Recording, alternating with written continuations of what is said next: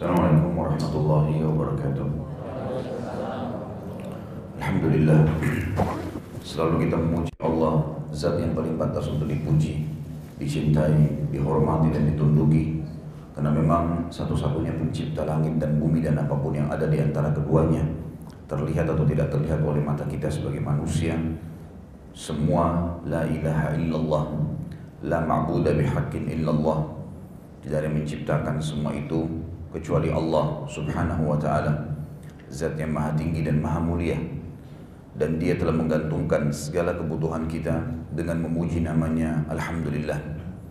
Sangat wajar kalau kita selalu mengucapkan kalimat mulia ini. Juga kita banyakkan salam hormat kita kepada manusia terbaik. Manusia yang telah membawa kepada kita hukum halal haramnya Allah. Sehingga kita punya panduan hidup.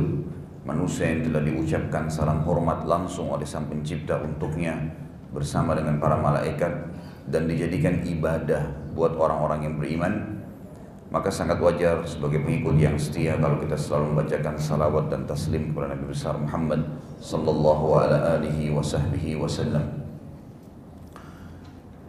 Kita melanjutkan tema kita Sirah Nabawiyah dan kita pada pertemuan yang lalu sudah sampai bahasan terakhir di perang Khaybar dan pembebasan benteng Yahudi atau di poin pembebasan benteng Yahudi di antaranya yang sudah kita bahas pembebasan benteng Naim benteng pertama Yahudi yang berada di wilayah Khaybar sedikit saya mereviewkan kalau pasukan muslimin pada saat itu mengepung benteng pertama Yahudi yang terdekat dengan perkemahan muslimin di awal tiba wilayah Khaybar. Lalu peperangan itu berlanjut kurang lebih 10 hari. Namun belum berhasil. Artinya muslimin belum berhasil e, menembus benteng Yahudi, benteng Naim. Karena kendalanya adalah mereka selalu sembunyi dalam benteng dan juga mereka setiap hari selalu saja melempari muslimin dengan ribuan anak panah sehingga kaum muslim dari dalam benteng sehingga kaum muslimin tersibukkan dengan anak-anak panah tersebut dan sesekali mereka berusaha untuk keluar membuka pintu gerbang sementara anak panah mereka lagi terhujam di muslimin. Lalu mereka menyerang lalu kemudian mereka masuk lagi kembali ke benteng lalu menutup pintunya.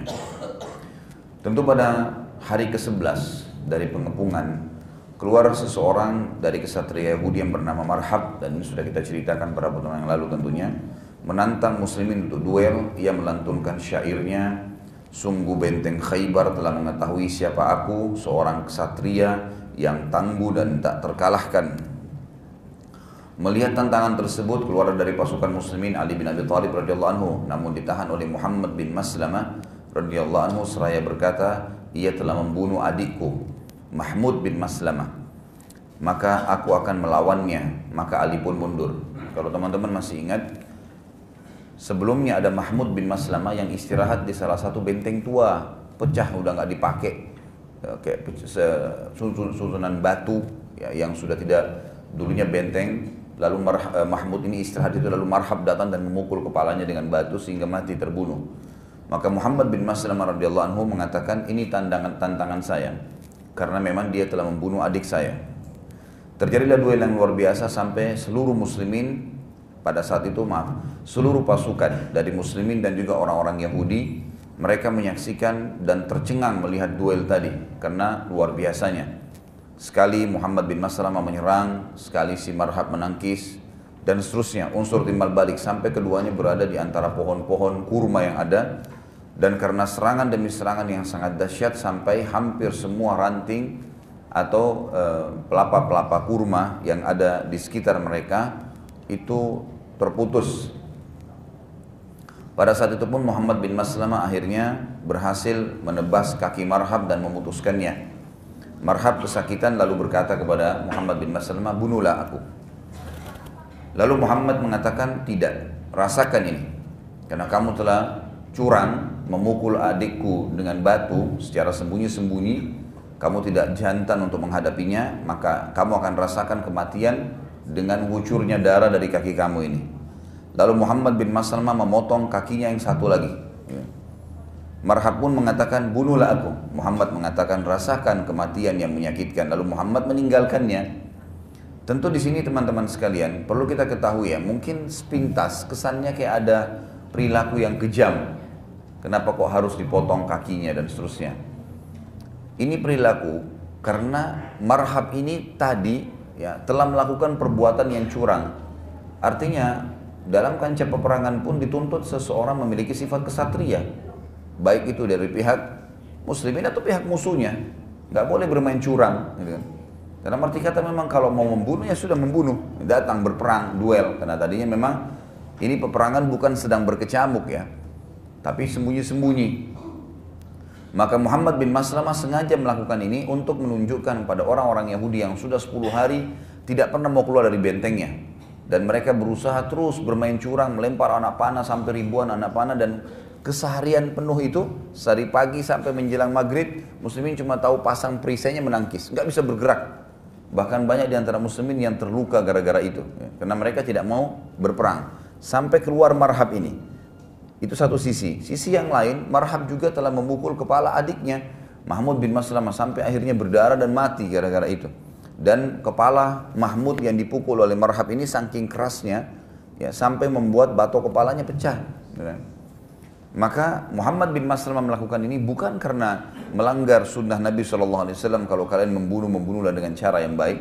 Karena memang kita kalau dalam Islam, kalau sudah masuk kancah peperangan, menusuk musuh mati selesai gitu kan. Tapi karena perilaku marhab memang. Sebagaimana Allah berfirman dalam Al-Quran, A'udhu billahi minasyaitan rajim, fa'in aqabtum, fa'aqibu bimithli ma uqibtum bihi. Kalau kalian telah disakiti, maksudnya di sini oleh musuh-musuh, orang kafir, maka sakitilah dengan perilaku yang sama, gitu kan? Artinya boleh umat Islam kalau orang ini berlebihan dalam menyiksa, maka dia juga disiksa oleh muslimin agar dia tahu bagaimana sakitnya siksaan itu.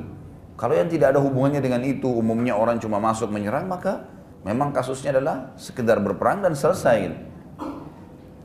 Melihat kejadian tersebut tadi, karena Muhammad bin Maslamah hanya memotong kedua kakinya, dan dibiarkan dan dia kesakitan orang-orang Yahudi pun di atas benteng mereka mereka penuh menyaksikan duel tadi pada saat melihat kejadian tadi dan marhab ini perlu digarisbawahi adalah kesatria terhebatnya Yahudi sehingga pada saat dia kalah akan menjatuhkan mental orang-orang Yahudi ada di dalam benteng sehingga memang peperangan akan dimenangkan oleh muslimin Melihat kejadian tadi, Ali bin Abi Thalib mendatangi Marhab dan membunuhnya, kemudian mengambil semua perlengkapan perangnya sebagai harta rampasan perang. Dan ini sudah pernah saya garis bawahi teman-teman sekalian.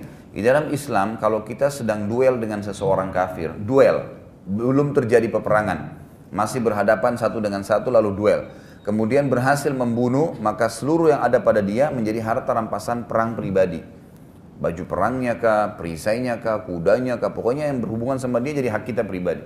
Tapi kalau perang lagi berkecamuk, pasukan sama pasukan saling menyerang, maka tidak boleh ada pengambilan harta rampasan perang secara pribadi. Nanti kalau selesai menang, dikumpulin semuanya, baru panglima perangnya membagi rata.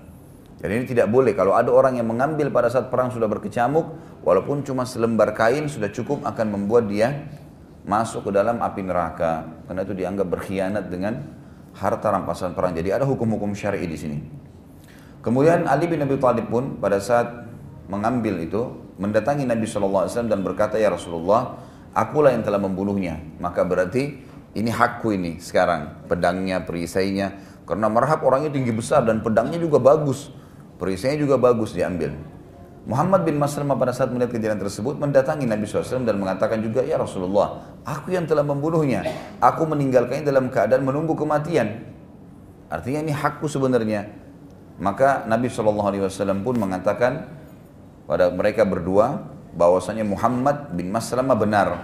Engkau lah yang telah membunuhnya lalu Ali bin Abi Thalib memberikan harta rampasan perangnya kepada Muhammad bin Maslamah radhiyallahu anhu ajma'in.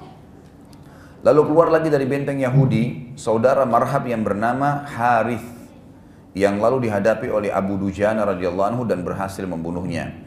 Lalu keluar lagi saudara ketiganya ya, atau saudara kedua dari marhab yang bernama Yasir yang dihadapi oleh Zubair bin Awam radhiyallahu anhu Yasir ini yang sudah saya ceritakan memiliki postur tubuh yang sangat tinggi sampai digambarkan mendekati pohon kurma. Ya, saking tingginya. Jadi pohon kurma itu bisa 2 meter setengah ya. Sampai 3 meter, lebih bahkan dari itu kadang-kadang kalau yang sangat besar. Tapi biasanya pohon kurma yang dianggap sudah bisa berbuah 2 meter setengah. Gitu. Nabi SAW sempat bertanya dalam sebuah riwayat sahih kepada para sahabat, orang itu sangat tinggi, kira-kira menurut kalian tingginya mencapai lima hasta ya, atau dua setengah meter, maka para sahabat mengatakan lebih tinggi wahai utusan Allah. Karena marhab atau eh, karena si eh, Yasir ini waktu keluar dia berdiri di dekat benteng dan ada pohon kurma di sebelahnya dan dia sama tinggi dengan pohon kurma itu.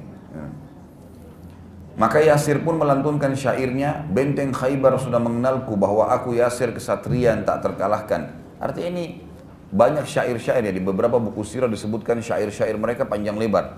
Ada yang menukil lengkap syair-syair ini yang memuji-muji diri mereka gitu. Maka Zubair pun radhiyallahu anhu menjawab tantangan tadi.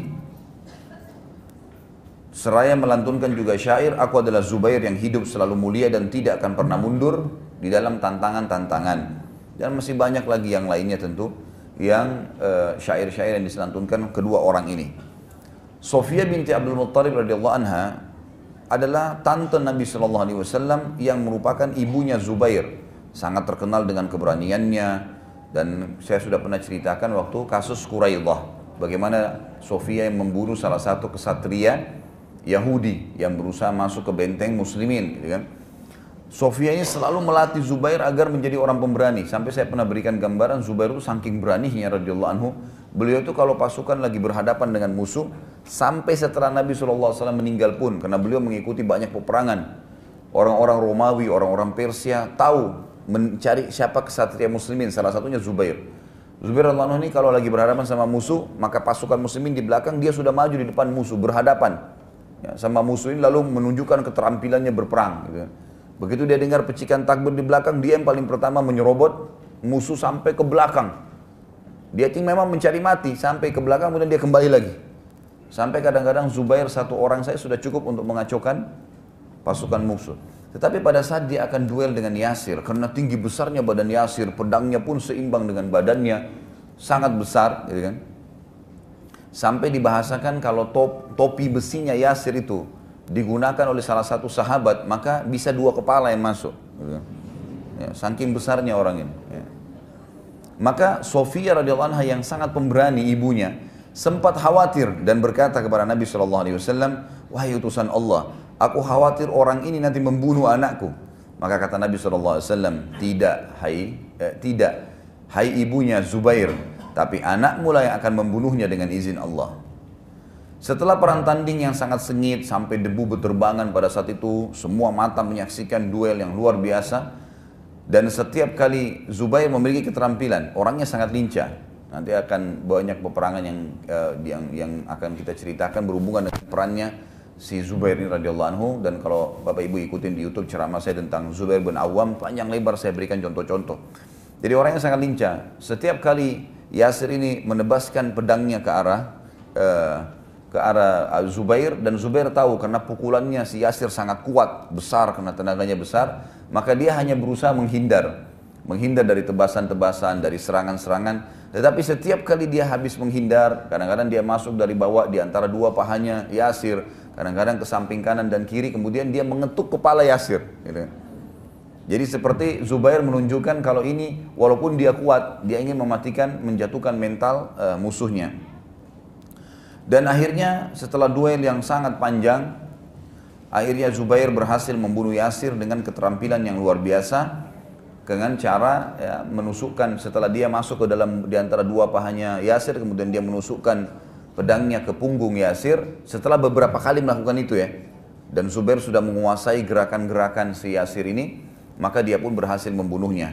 Selesai membunuh maka Zubair pun bertakbir di debu yang sedang Eh, berterbangan pada saat itu dan tidak terlalu terlihat oleh para sahabat. Dan Nabi SAW untuk mendengar takbirnya Yasir, eh, takbirnya Zubair maka Nabi SAW pun bertakbir dan seluruh muslimin bertakbir pada saat itu. Dan langsung Nabi SAW mengeluarkan hadis yang mulia tentang Zubair radhiyallahu anhu. Sesungguhnya setiap Nabi memiliki pembela atau penjaga khusus dan penjagaku adalah Zubair setelah itu keluar lagi dari benteng Yahudi saudara ketiganya Marhab yang bernama Amir yang dihadapi Ali bin Abi Thalib radhiyallahu anhu dan Ali berhasil membunuhnya.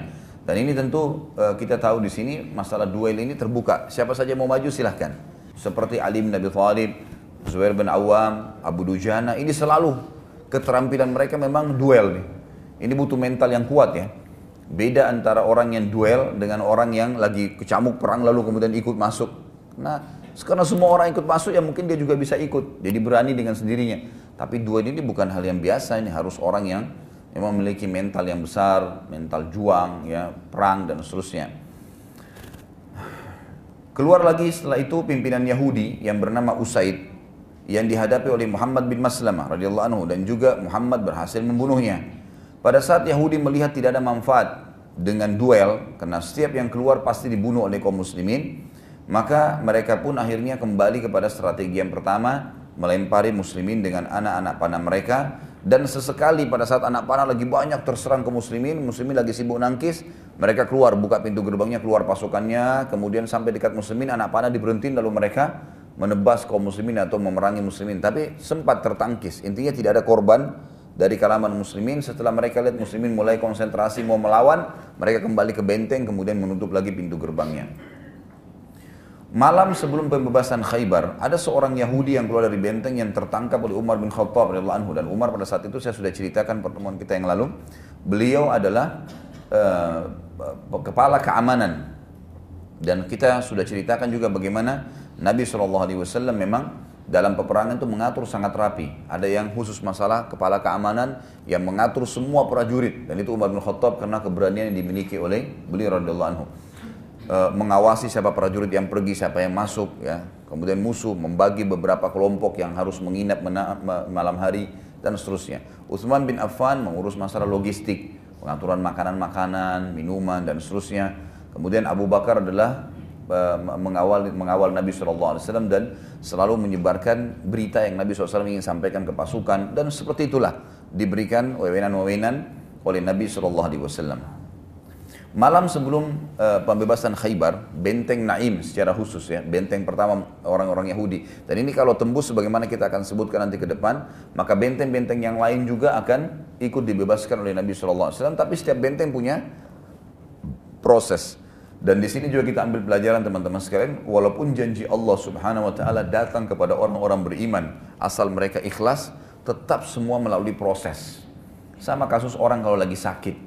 Ada orang diuji oleh Allah wa taala dengan penyakit, dia sudah ikhtiar, sudah sabar, sudah coba berdoa sama Allah, tinggal nikmatin saja prosesnya. Karena doa itu akan bekerja, gitu kan. Janji Allah tidak akan mungkin salah. Inna Allah la yukhliful mi'ad. Allah tidak akan pungkiri janjinya. Waman asdaqu minallahi qila. Siapa yang lebih jujur daripada Allah dalam pernyataan dan perkataan? Tidak mungkin, ya. Tapi teman-teman harus tahu semua melalui proses. Proses. Kita kalau lapar, minta Allah hilangkan lapar, kita akan bertemu dengan seseorang dulu, atau kita memberikan makanan, atau kita akan dapat makanan, lalu kita kunyah dulu, ditelan dulu, diproses sama usus, baru kemudian sembuh. Ini sebuah poin penting. Masalahnya kecil tapi pengaruhnya besar. Karena banyak orang yang berobat setelah minum obat setelah segala macam belum sembuh. Itu proses. Asal dia sudah kembalikan kepada Allah yang maha tinggi dan maha pemurah. Allah itu maha mengetahui, maha melihat, maha mendengar. Jadi jelas sekali Allah subhanahu wa ta'ala yang mengangkat, memberi, mencoba. Tapi semua Allah sesuaikan dengan alam kita, manusia. Ada sebuah sistem proses. Kita walaupun mau malam tiba, prosesnya harus siang dulu sampai tiba malam. Kita kalaupun mau besok pagi, tetap harus melalui proses malam itu dulu, baru kemudian seperti itulah sunnatullah. Jadi harus paham teman-teman, jangan putus asa dalam berdoa. Jangan putus asa dalam berobat. Ya. Jangan putus asa dalam bekerja. Yang penting kita sudah betul-betul berada di rel Allah subhanahu wa ta'ala yang Allah halalkan, yang Allah ridhahi, maka tinggal tunggu kemenangannya. Karena Allah subhanahu wa ta'ala selalu mengatakan dalam Al-Quran, wal akibatu taqwa dan orang dan pasti kemenangan akan di tangan orang-orang yang bertakwa. Pasti ujung-ujungnya kemenangan bagi mereka. Pada saat itu Umar bin Khattab sempat menangkap kembali ke kisah kita tadi seorang Yahudi yang keluar dari benteng dan Umar pada saat itu spontan karena melihat orang ini datang malam-malam Umar langsung ingin mengeksekusi ingin membunuhnya tapi dia berkata sabar jangan bunuh aku dulu tetapi pertemukan aku dengan Nabi kalian. Saat bertemu dengan Nabi SAW, Umar pun membawanya. Nabi SAW bertanya padanya, ada apa denganmu? Ada berita apa yang kamu bawa? Ia berkata, di dalam benteng kekuatan Yahudi sangat besar. Banyak pasukan, senjata yang lengkap dan persiapan dari makanan dan minuman yang cukup untuk bertahun-tahun. maka aku pastikan kalau engkau tidak akan bisa membuka Khaybar. Jadi Yahudi ini datang keluar malam-malam untuk menyampaikan informasi itu. Gitu. Nabi SAW tersenyum lalu berkata, apa kau pikir bisa menakut-nakutiku? Dan ini jiwa kesatria seorang mukmin. Jangan cuma dikatakan, oh nanti ada pesawat tempur, nanti ada tank, nanti ada ini. Takutlah. Kemudian ciut, nggak bisa. Datang, kirim semua pasukan kamu ke sini. Gitu. Nggak ada masalah.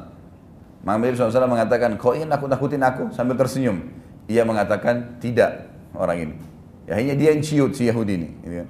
Dia mengatakan tidak. Tapi aku minta keamanan. Karena kami yakin kalau engkau pasti akan membuka khaybar. Karena semua itu tertulis pada di dalam Taurat. Dan semua Yahudi mengetahui hal tersebut. Aku hanya ingin agar aku dan seluruh keluargaku juga hartaku aman. Pada saat engkau menang nanti, aku tidak terganggu, tidak masuk dalam tawanan perang. Maka Nabi SAW mengatakan, engkau dapat keamanan. Gitu kan? Dan ini juga sebuah pelajaran teman-teman sekalian bagaimana orang Yahudi itu selalu bermain di gertakan. Sampai sekarang mereka begitu. Ya. Cuma bermain gertak saja. Sampai di Israel, di Yahudi pun, di, di Palestina pun sekarang, itu mereka berhadapan dengan senjata yang canggih dengan anak kecil yang bawa batu. Gitu kan. Awalnya gertak, seakan-akan nembak-nembak, begitu dimajuin lari. Gitu. Ada beberapa cuplikan kan di YouTube itu sampai diangkat bagaimana anak kecil melempari batu dan dikejar oleh seorang anak kecil tentara Yahudi yang sudah terlatih militer lari. Gitu. Jadi harus kita faham teman-teman sekalian. Allah swt memasukkan ketakutan di dalam hati orang-orang kafir. Jadi nggak benar kalau mereka itu dianggap pemberani dan seterusnya. Kalaupun ada satu dua orang seperti ahli duelnya mereka, itu juga pasti dikalahkan oleh muslimin.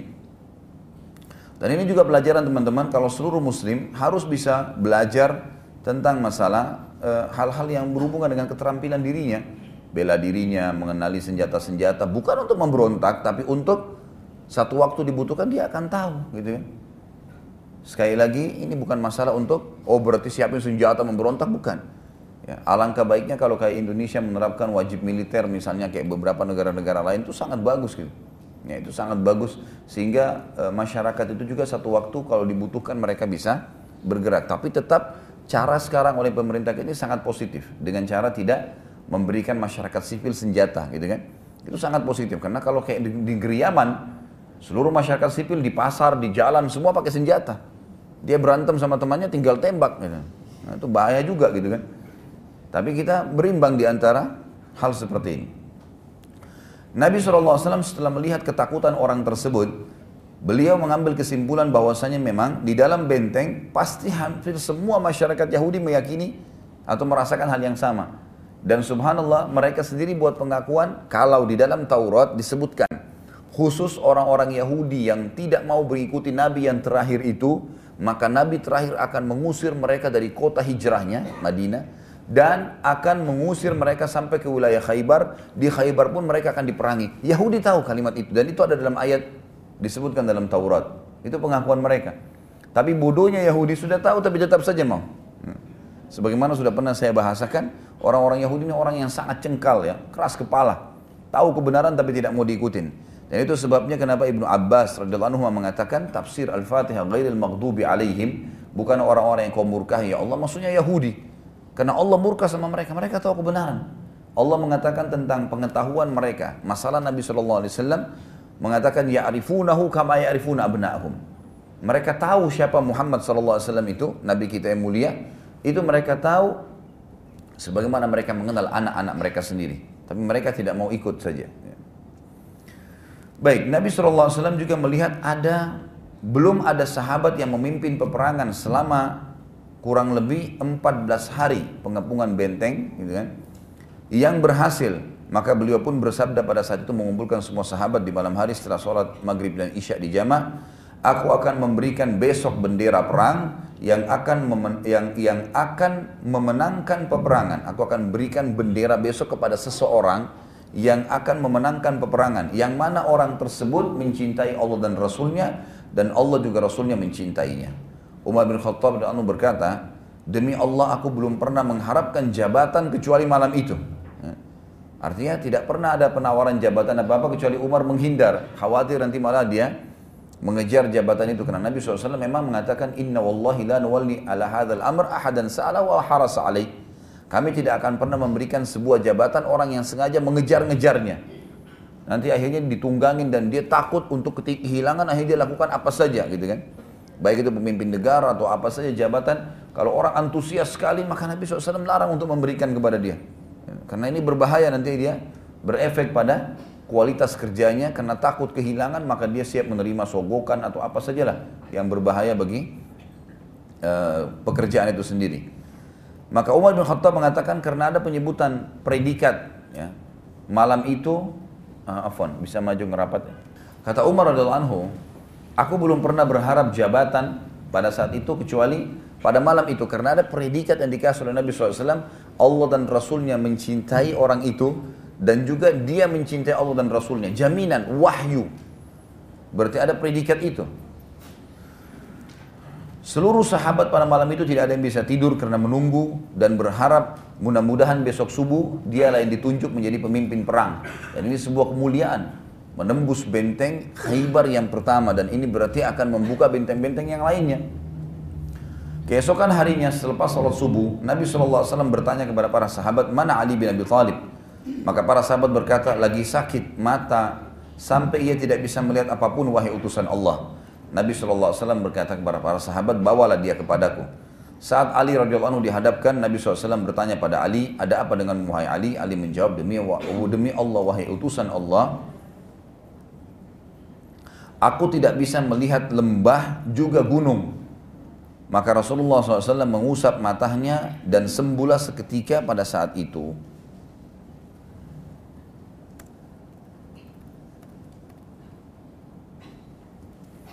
Lalu Nabi SAW memberikan bendera kepada Ali radhiyallahu anhu berkata, wahai atau bersabda wahai Ali, majulah dengan tenang dan ingatlah bila Allah memudahkan di tanganmu hidayah orang lain jauh lebih baik daripada unta betina merah. Dalam riwayat yang dikatakan wahai Ali, majulah dengan tenang, jangan tergesa-gesa, atur baik-baik posisi pasukanmu, gitu kan. Karena Nabi SAW punya strategi, beliau tidak menggerakkan semua pasukan inti bergerak menyerang benteng, tidak. Beliau selama 14 hari itu hampir setiap beberapa hari sekali di, diutuslah satu orang sahabat jadi pemimpin dan beberapa pasukan yang ikut menyerang. Nabi SAW pantau dari jauh, gitu kan. Nah termasuk pasukan Ali radhiyallahu anhu dan diberikan pesan, ingat Ali, Majulah dengan tenang, jangan tergesa-gesa. Atur strategi perang yang baik. Dan ingat, tawarkan kepada mereka Islam. Padahal tadi awalnya sudah ditawarkan waktu awal tiba. Tapi tetap Nabi SAW bilang, tawarkan kepada mereka Islam. Kalau mereka nolak, tawarkan jizya upeti. Kalau mereka nolak, perangilah mereka. Tapi ketahui, hai Ali. Sebelum kau mulai semua itu, ingatlah. Kalau seandainya ada orang yang mendapatkan hidayah Islam di tanganmu, itu lebih baik daripada unta betina merah. Dan unta betina merah ini pada saat itu sama kalau kita sekarang mungkin mobil Alphard ya. Mobil yang sangat mahal atau mungkin Ferrari mahal, mahal memang sangat bernilai mahal, gitu kan. Harganya memang sudah sangat mahal. Maka itu lebih baik daripada kamu. Majulah Ali radhiyallahu anhu pada saat itu menuju benteng lalu tiba-tiba pasukan Yahudi keluar. Jadi Ali waktu itu membagi pasukannya menjadi tiga bagian.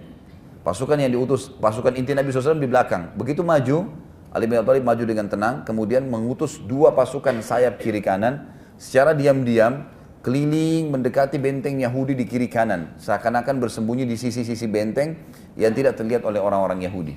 Kemudian pasukan Ali datang dengan pelan. Orang-orang Yahudi fokus melihat pasukan intinya Ali radhiyallahu anhu ini. Apa yang mau dikerjakan? Maka Ali pun pada saat itu coba menantang mereka untuk berperang, ditawarkan Islam, mereka tidak mau. Kemudian pada saat itu e, ditawarkan jizya, mereka tidak mau. Lalu ditantang berperang, mereka melempari pasukan Ali dengan anak-anak panah. Oleh Ali ditangkis saja. Sementara nangkis rupanya mereka gunakan strategi yang sama selama 13 hari yang lalu.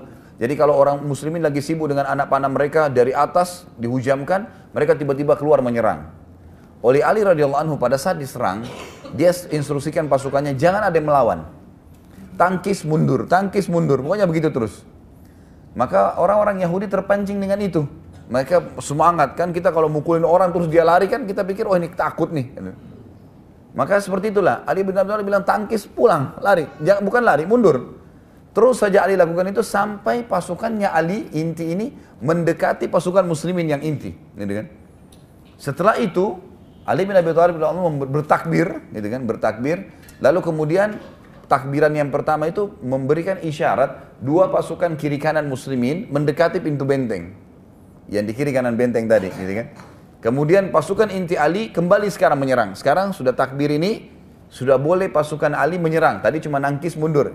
Sekarang menyerang. Akhirnya pasukan Yahudi yang sedang keluar tidak bisa kembali ke benteng karena sudah dijaga oleh muslimin dan juga mereka akhirnya terpaksa menghadapi pasukan Ali radhiyallahu anhum ajma'in para sahabat dan akhirnya dengan cara seperti ini eh, Ali bin Abi Thalib berhasil mengalahkan pasukan inti Yahudi di benteng Naim dan karena tertangkap dan terbunuh di antara mereka benteng tidak sempat ditutup pintunya pasukan dua uh, pecahan pasukan Ali sudah masuk ke dalam dan akhirnya seluruh muslimin masuk bersama Nabi Sallallahu Alaihi Wasallam. Dan memang perlu kita ketahui, umumnya di zaman dulu ya, kita bicara zaman dulu ini, mereka kalau punya benteng pasti mereka bertahan untuk pintu benteng tidak terbuka. Karena kalau sudah masuk musuh ke dalam benteng, walaupun mereka berusaha untuk melawan, sulit. Karena dalam benteng itu ada perempuan, ada anak-anak, mereka punya pekerjaan, ada hewan-hewan ternak, nggak mudah gitu. Dan pasukan musuh kalau sudah masuk semuanya main dibunuh dan dihancurkan gitu.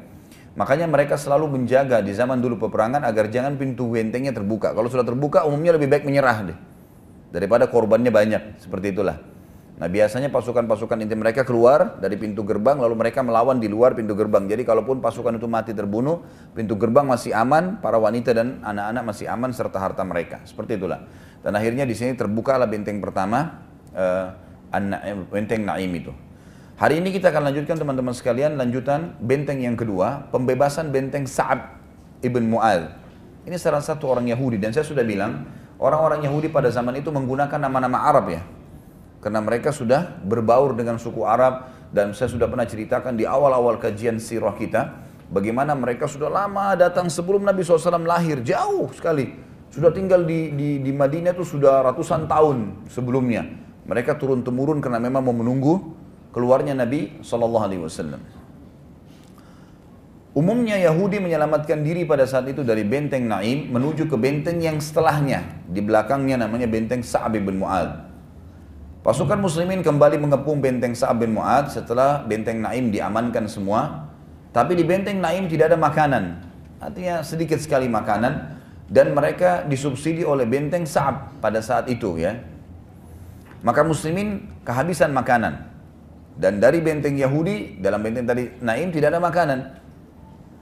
Maka suku Aslam, salah satu suku uh, Arab Badui yang sempat masuk Islam satu suku, kemudian mereka setelah syahadat mereka ikut tinggal di Madinah, mendatangi Nabi SAW lalu berkata, wahai Rasulullah, wahai utusan Allah, kami kelaparan, tidak ada makanan nih.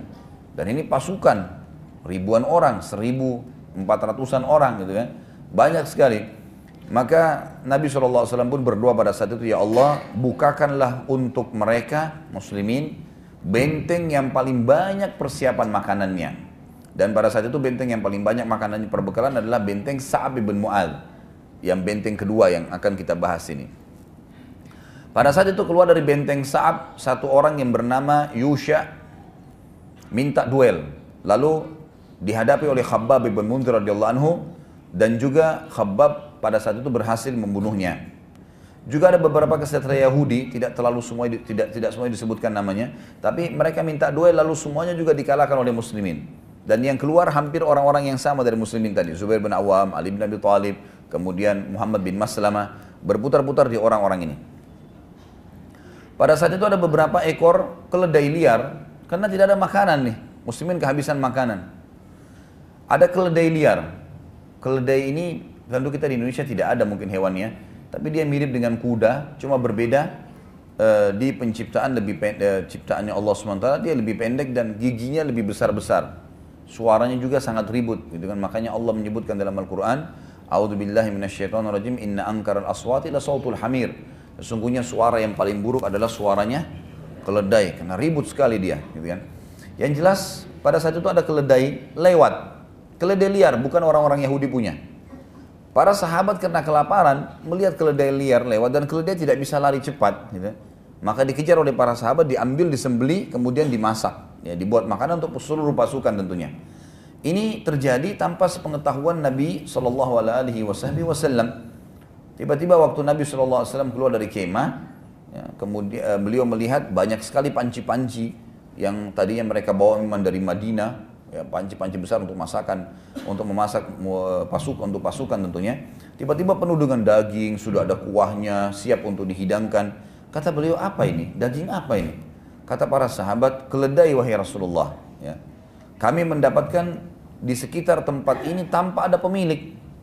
Maka kata Nabi Shallallahu Alaihi Wasallam, sungguh ia telah diharamkan oleh Tuhan kalian. Maka tidak boleh memakan daging keledai. Itu dalam bahasa Arab teman-teman keledai memiliki dua uh, bisa bisa dua istilah ya.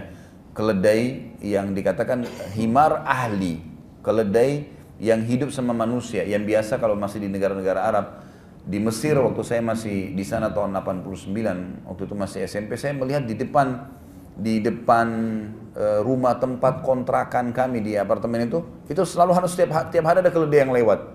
Kadang-kadang dia narik gerobak untuk jual buah-buahan dan seterusnya. Jadi memang ada. Ini keledai-keledai ini biasanya warnanya abu-abu kehitam-hitaman. Ini keledai ahli namanya. Ini haram hukumnya. Ini yang diharamkan dalam agama Islam.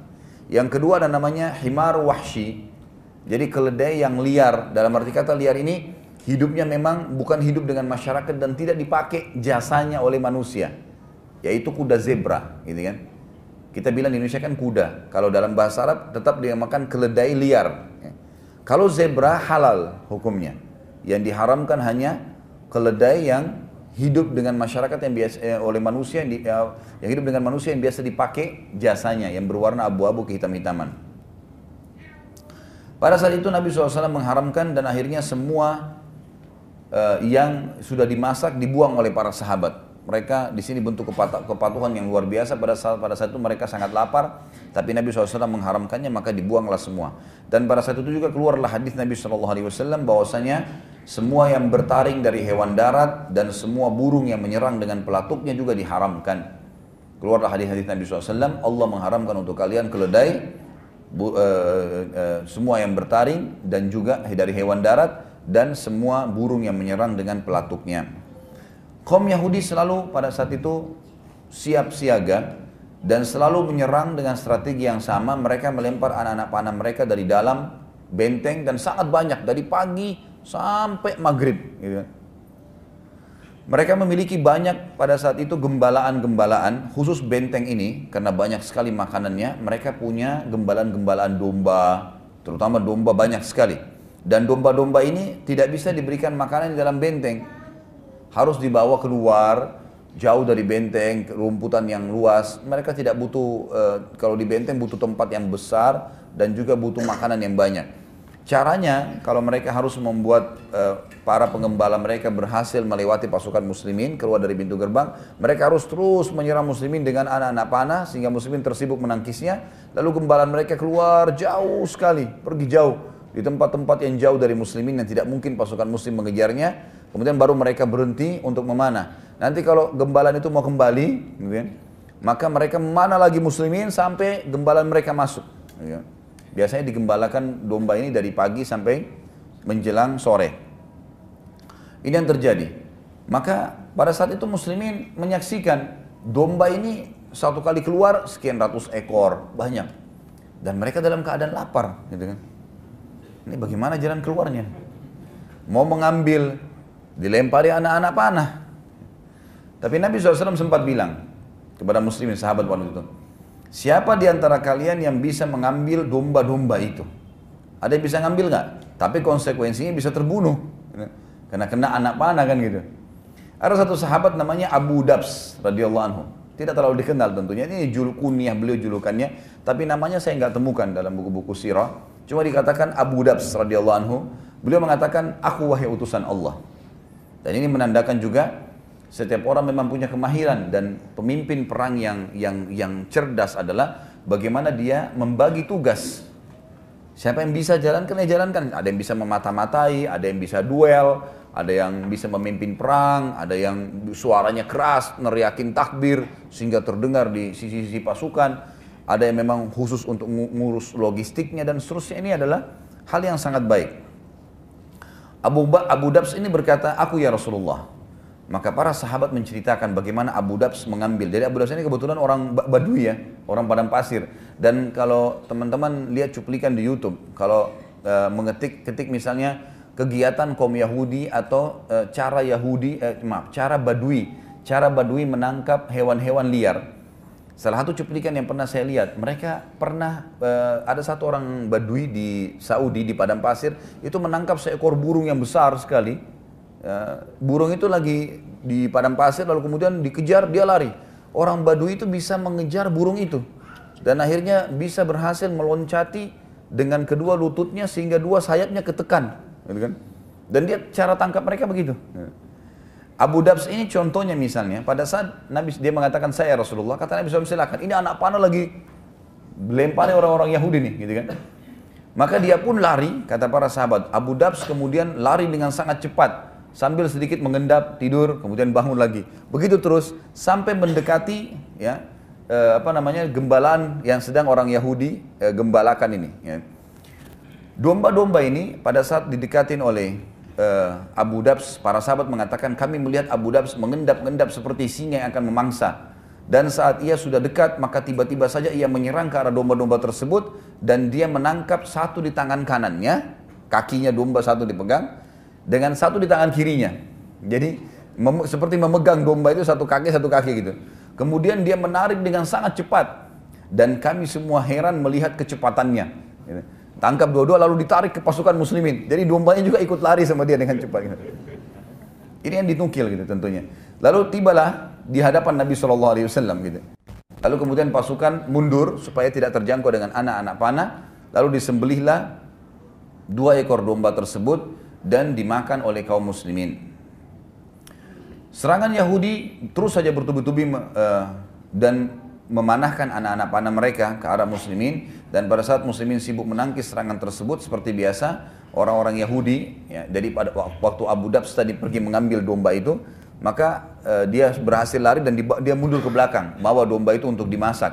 Pasukan muslimin sebelum mundur ternyata orang Yahudi melakukan hal yang sama tadi. Buka benteng menyerang tiba-tiba anak panah diberhentiin pada saat sudah ingin menjadikan ada korban muslimin Kemudian mereka terasa ter, merasa terpukul, pada saat dilawan kembali mereka kembali lagi ke benteng. Lalu melemparin lagi anak panah, begitu terus.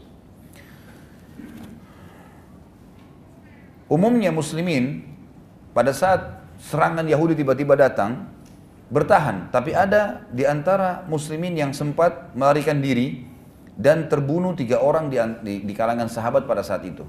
Ada tiga orang yang terbunuh di serangan orang-orang Yahudi yang tadi sudah saya ceritakan. Nabi SAW juga dengan beberapa sahabat uh, sempat terpukul mundur pada saat itu dan Nabi SAW tetap bertahan sambil meneriakkan kepada para sahabat yang sempat melarikan diri dari serangan tersebut, kemarilah wahai hamba-hamba Allah. Namun belum ada sahabat yang kembali pada Nabi SAW karena derasnya anak panah yang sedang dilemparkan oleh orang-orang Yahudi dan e, pasukan inti Yahudi yang sedang terus menebasi muslimin uh, apa namanya agar terjadi korban. Maka Nabi SAW meneriakkan suara sambil mengatakan, Wahai orang-orang yang telah membaiat di bawah pohon, kemarilah. Kalau masih ingat kisah baiat Ridwan, ya, pohon yang ada di Hudaybiyah, yang akhirnya Nabi SAW membaiat 1398 orang, gitu kan? Yang semuanya harus janji setia. Jadi semuanya mengatakan ya Rasulullah secara pribadi, ya Rasulullah hidup dan mati saya akan berkorban untuk anda dan agama Allah. Selalu begitu. Pokoknya nggak boleh berkhianat. Maka waktu mendengar suara Nabi SAW mengatakan, Wahai ashabu syajara, wahai orang-orang yang telah membayar di bawah pohon. Nabi ulangi sampai tiga kali Sallallahu Alaihi Wasallam, maka semua sahabat itu berkumpul lagi di sisi Nabi Sallallahu Alaihi Wasallam karena mereka sudah tahu akad yang telah ada atau kesepakatan dengan Nabi SAW di Khaybar, eh, di di Hudaybiyah. Terus saja muslimin membela Nabi Shallallahu dari serangan Yahudi tadi yang tiba-tiba datang itu sampai mereka berhasil memukul mundur Yahudi dan dengan pertahanan tersebut ya e, e, serta serangan balik muslimin membuat Yahudi yang terbalik sekarang terpukul mundur dan mereka sampai terpukul di depan pintu gerbang mereka dan karena serangan muslimin tidak berhenti Nabi SAW dan para sahabat terus menyerang pasukan yang sudah terlanjur masuk tadi Sampai akhirnya mereka tidak sempat menutup kembali benteng mereka dan terbukalah benteng Sa'ab. Kaum Yahudi banyak melarikan diri ke benteng yang ketiga bernama Benteng Zubair. Dan sebagian mereka akhirnya tertawan. Di benteng Sa'ab ini ditemukan banyak sekali makanan dan bekal termasuk banyak kendi-kendi khamer. Dari orang-orang Yahudi rupanya dan mungkin sampai sekarang masih terjadi itu ya. Kalau mereka mau berperang, maka supaya pasukannya tidak takut dimabukin dulu. Mereka diminumin khamar supaya punya percaya diri seperti itulah. Dan ini tentu sangat jauh dengan muslimin. Nabi SAW pada saat melihat kendi-kendi khamar itu dan memang khamar-khamar yang disiapkan khamar yang paling mahal, yang bagus gitu kan. Di benteng Sa'ab ini ada khamar-khamar yang mahal sekali harganya. Ada seorang sahabat yang bernama Abdullah, tapi tidak disebutkan Abdullah siapa orang ini, tapi namanya Abdullah. Dia dulu ini pecandu khamar sebelum masuk Islam, gitu kan. Pada saat dia lihat kendi-kendi itu, dia mengingat dulu masa-masa waktu minum khamr. Ya. Belum lama masuk Islam, baru berapa tahun gitu kan. Tiba-tiba di dalam riwayat ini dikatakan jiwanya tertarik lagi ingin mencicipi. Hmm. Syaitan subhanallah menggoda orang walaupun di kancah peperangan nih. Gitu. Maka waktu dia ditugaskan oleh Nabi SAW untuk untuk memecahkan kendi-kendi di antara sekian banyak sahabat, rupanya dibuka sampai ditutupnya diincipin. Ya, dia minum. Rupanya dia minum bukan cuma incipin, dia kebablasan minum sampai mabuk. Ya. Orang yang sampai mabuk. Para sahabat yang lihat dia sambil minum, menangkapnya. Ya. Mengatakan kenapa kau minum hai Abdullah? Tapi dia sudah terlanjur minum banyak gitu kan. Maka dibawa oleh hadapan Nabi SAW. Waktu Nabi lihat mukanya mulai memerah karena dia minum khamar gitu kan. Nabi SAW membuka sendal beliau SAW lalu memukul punggung Abdullah gitu kan. Dicambuk sama Nabi SAW. Waktu dicambuk sama sendal Nabi SAW, sahabat lihat sahabat semua kerumunin, digebukin sama sendal itu. Ya.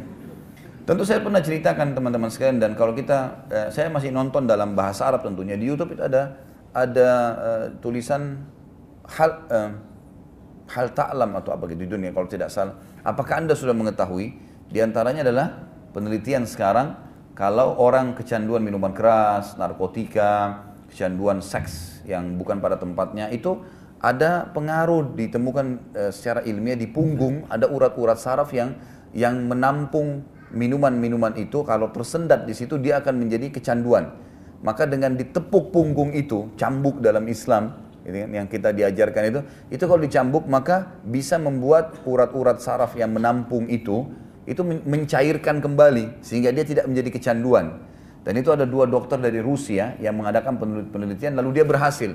Orang-orang yang kecanduan minuman keras, seks bebas, uh, khamar ya, minuman keras dan narkotika, obat-obat yang terlarang ini, maka yang terjadi mereka buat buka klinik dan itu sangat laku sekarang di Rusia. Ya kan?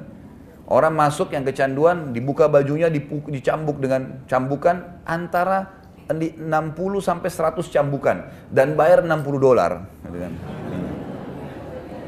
Dan sukses, berhasil gitu kan. Alhamdulillah dalam Islam tidak bayar. Gitu. Datang saya sini digebukin. Gitu. Nabi SAW akhirnya memukul punggungnya, memang dipukul punggungnya Abdullah ini. Ternyata hikmah ini 1400 tahun yang lalu ini. Luar biasa ya. Sekarang baru ditemukan. Nabi SAW memukul punggungnya Abdullah. Dan para sahabat pun mengikuti perilaku Nabi SAW.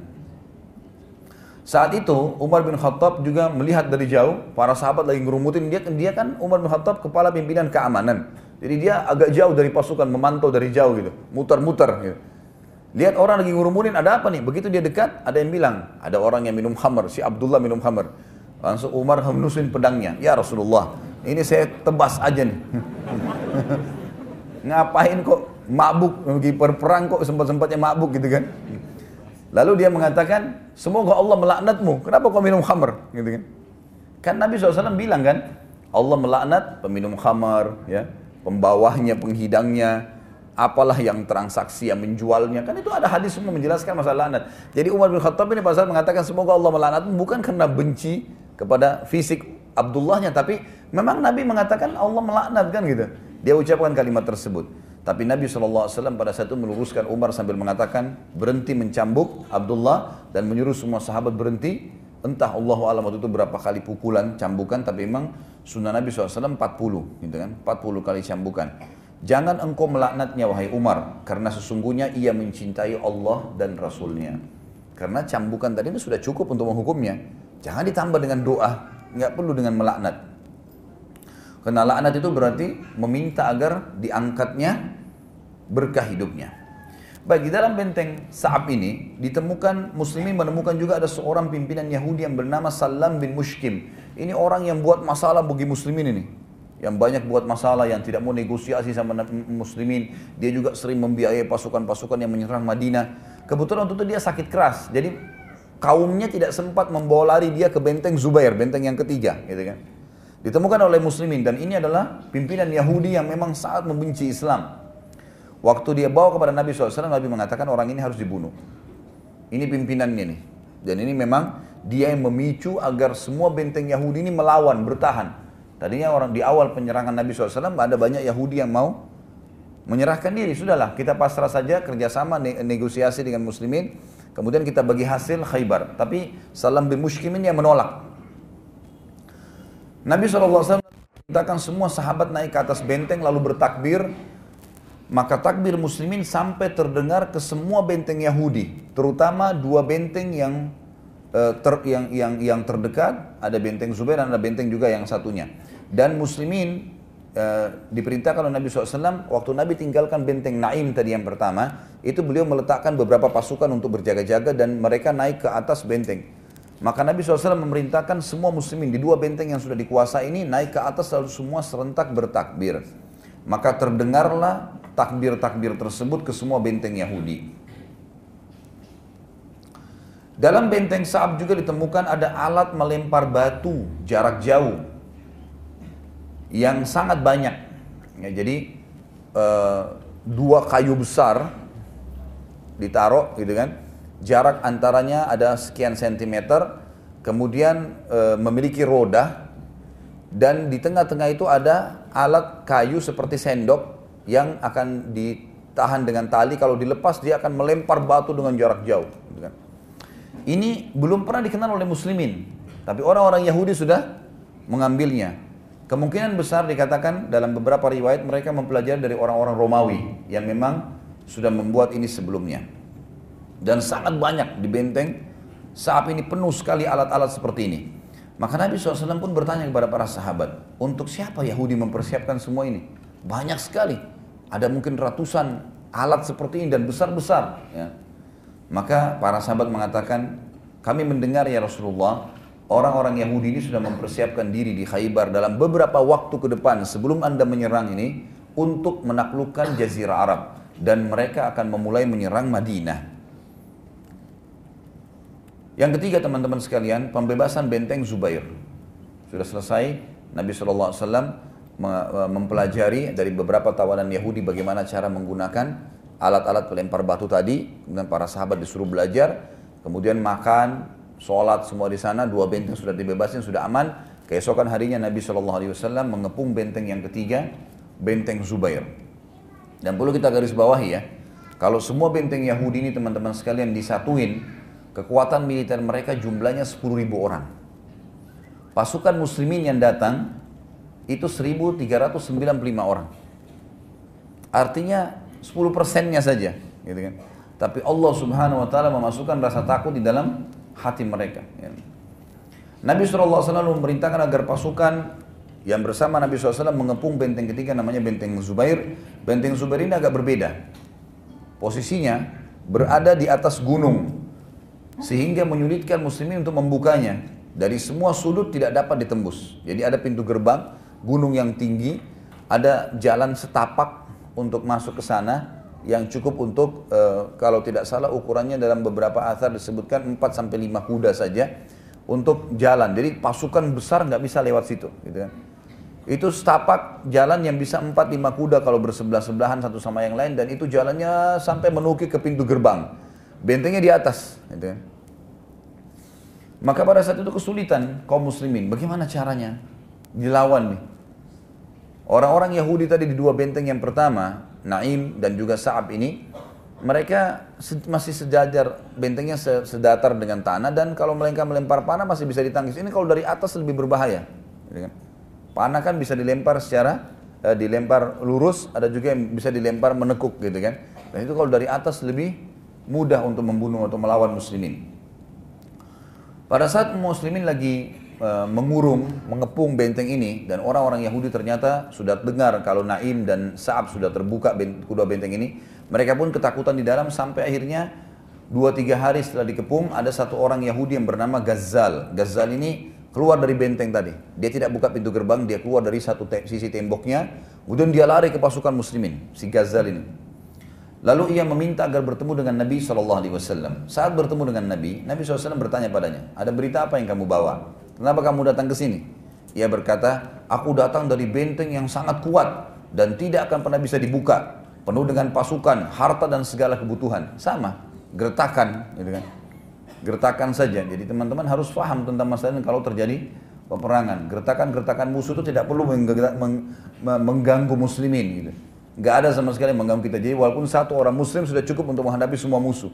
Karena ancaman apa pun tidak berpengaruh bagi dia. Kalau sampai terbunuh pun mati syahid. Nabi SAW berkata padanya, apa kau sambil tersenyum pada orang ini, apa kau ingin menakut-nakutiku? Hampir sama dengan kasus orang yang pertama tadi. Allah Subhanahu wa taala telah menjanjikan padaku akan memenangkan peperangan, aku akan menangkan peperangan dengan muslimin dan merebut Khaybar. Anehnya, Ghazal berkata, demi Allah, Aku tahu. Dan Yahudi semuanya tahu. Dan kami telah menemukan dalam Taurat bahwa anda benar-benar atau engkau benar-benar akan membukanya. Oleh karena itu, aku menunjukkan pintu, aku akan menunjukkan pintu gerbangnya supaya engkau bisa masuk. Hanya saja berikanlah aku keamanan juga seluruh keluarga dan hartaku. Nabi SAW mengatakan baiklah. Kalau begitu kau aman, nggak masalah. Dan orang-orang Yahudi tahu, Muslimin kalau mengatakan janjikan satu poin ya sudah berarti benar. Nggak ada sesuatu yang dikhianati. Apalagi Nabi SAW, mereka tahu cirinya. Setelah itu Ghazal mengatakan, wahai Muhammad, benteng ini memiliki segala sesuatunya. Sangat kuat. Di dalam banyak persiapan. Hanya satu masalahnya. Karena di atas gunung mereka nggak punya air. Mereka tidak punya air. Lalu kata Nabi SAW, dari mana mereka mendapatkan air kalau begitu? Kata dia, di belakang benteng ini Sisi pasukan di depan benteng, pintu gerbang. Di belakangnya ini ada satu pintu dibuat dari atas, itu tertutup rapat. Pintu itu kalau dibuka, dibuat tangga oleh orang-orang Yahudi, khusus turun sampai ke lereng gunung, di bawah ada mata air. Dan ada pekerja-pekerja, tugasnya itu memang mengambil air setiap hari untuk kehidupan benteng. Kalau engkau mau hai Muhammad, aku akan tunjukkan ke arah pintu itu, rebutlah pintu itu maka akan berhenti air ke benteng tadi. Nabi SAW pun pergi bersama para sahabat ke sana dan ternyata ditemukan memang sama, betul apa yang disampaikan dan para sahabat sempat terkejut melihat bagaimana mereka mengatur luar biasanya. Jadi benteng itu tembok, di sisi tembok itu ada celah yang tidak kelihatan dari jauh dan di belakang benteng itu memang ada tangga dibuat dan tangga itu E, memiliki empat sisi, jadi empat tembok ya, dari empat sisi tembok semuanya. Jadi satu kali turun tuh empat orang bisa turun ke bawah, mengangkat air lagi ke atas, begitu terus untuk menghidupi satu benteng ini. Maka muslimin pun naik tangga itu dari lereng gunung dari bawah naik ke atas sampai tiba di atas pintu yang menutupi untuk masuk ke benteng itu ditutup oleh muslimin. Ditutup oleh muslimin, ya diikat, ditutup segala macam sehingga mereka tidak bisa. Maka orang-orang Yahudi sudah tahu kalau ternyata mereka tidak bisa lagi turun untuk mengambil air sementara kebutuhan air tiap hari dibutuhkan pada saat itu. Karena air tertahan, maka akhirnya beberapa hari saja orang-orang Yahudi tidak punya pilihan lain kecuali mereka menyerahkan semua kekuatan pasuk uh, mereka, menyerahkan benteng mereka kepada muslimin dan akhirnya terkalahkanlah benteng Zubair. Sudah tiga benteng. Nabi SAW memerintahkan hal yang sama. Ketiga benteng ini seluruh muslimin naik ke atas benteng lalu bertakbir.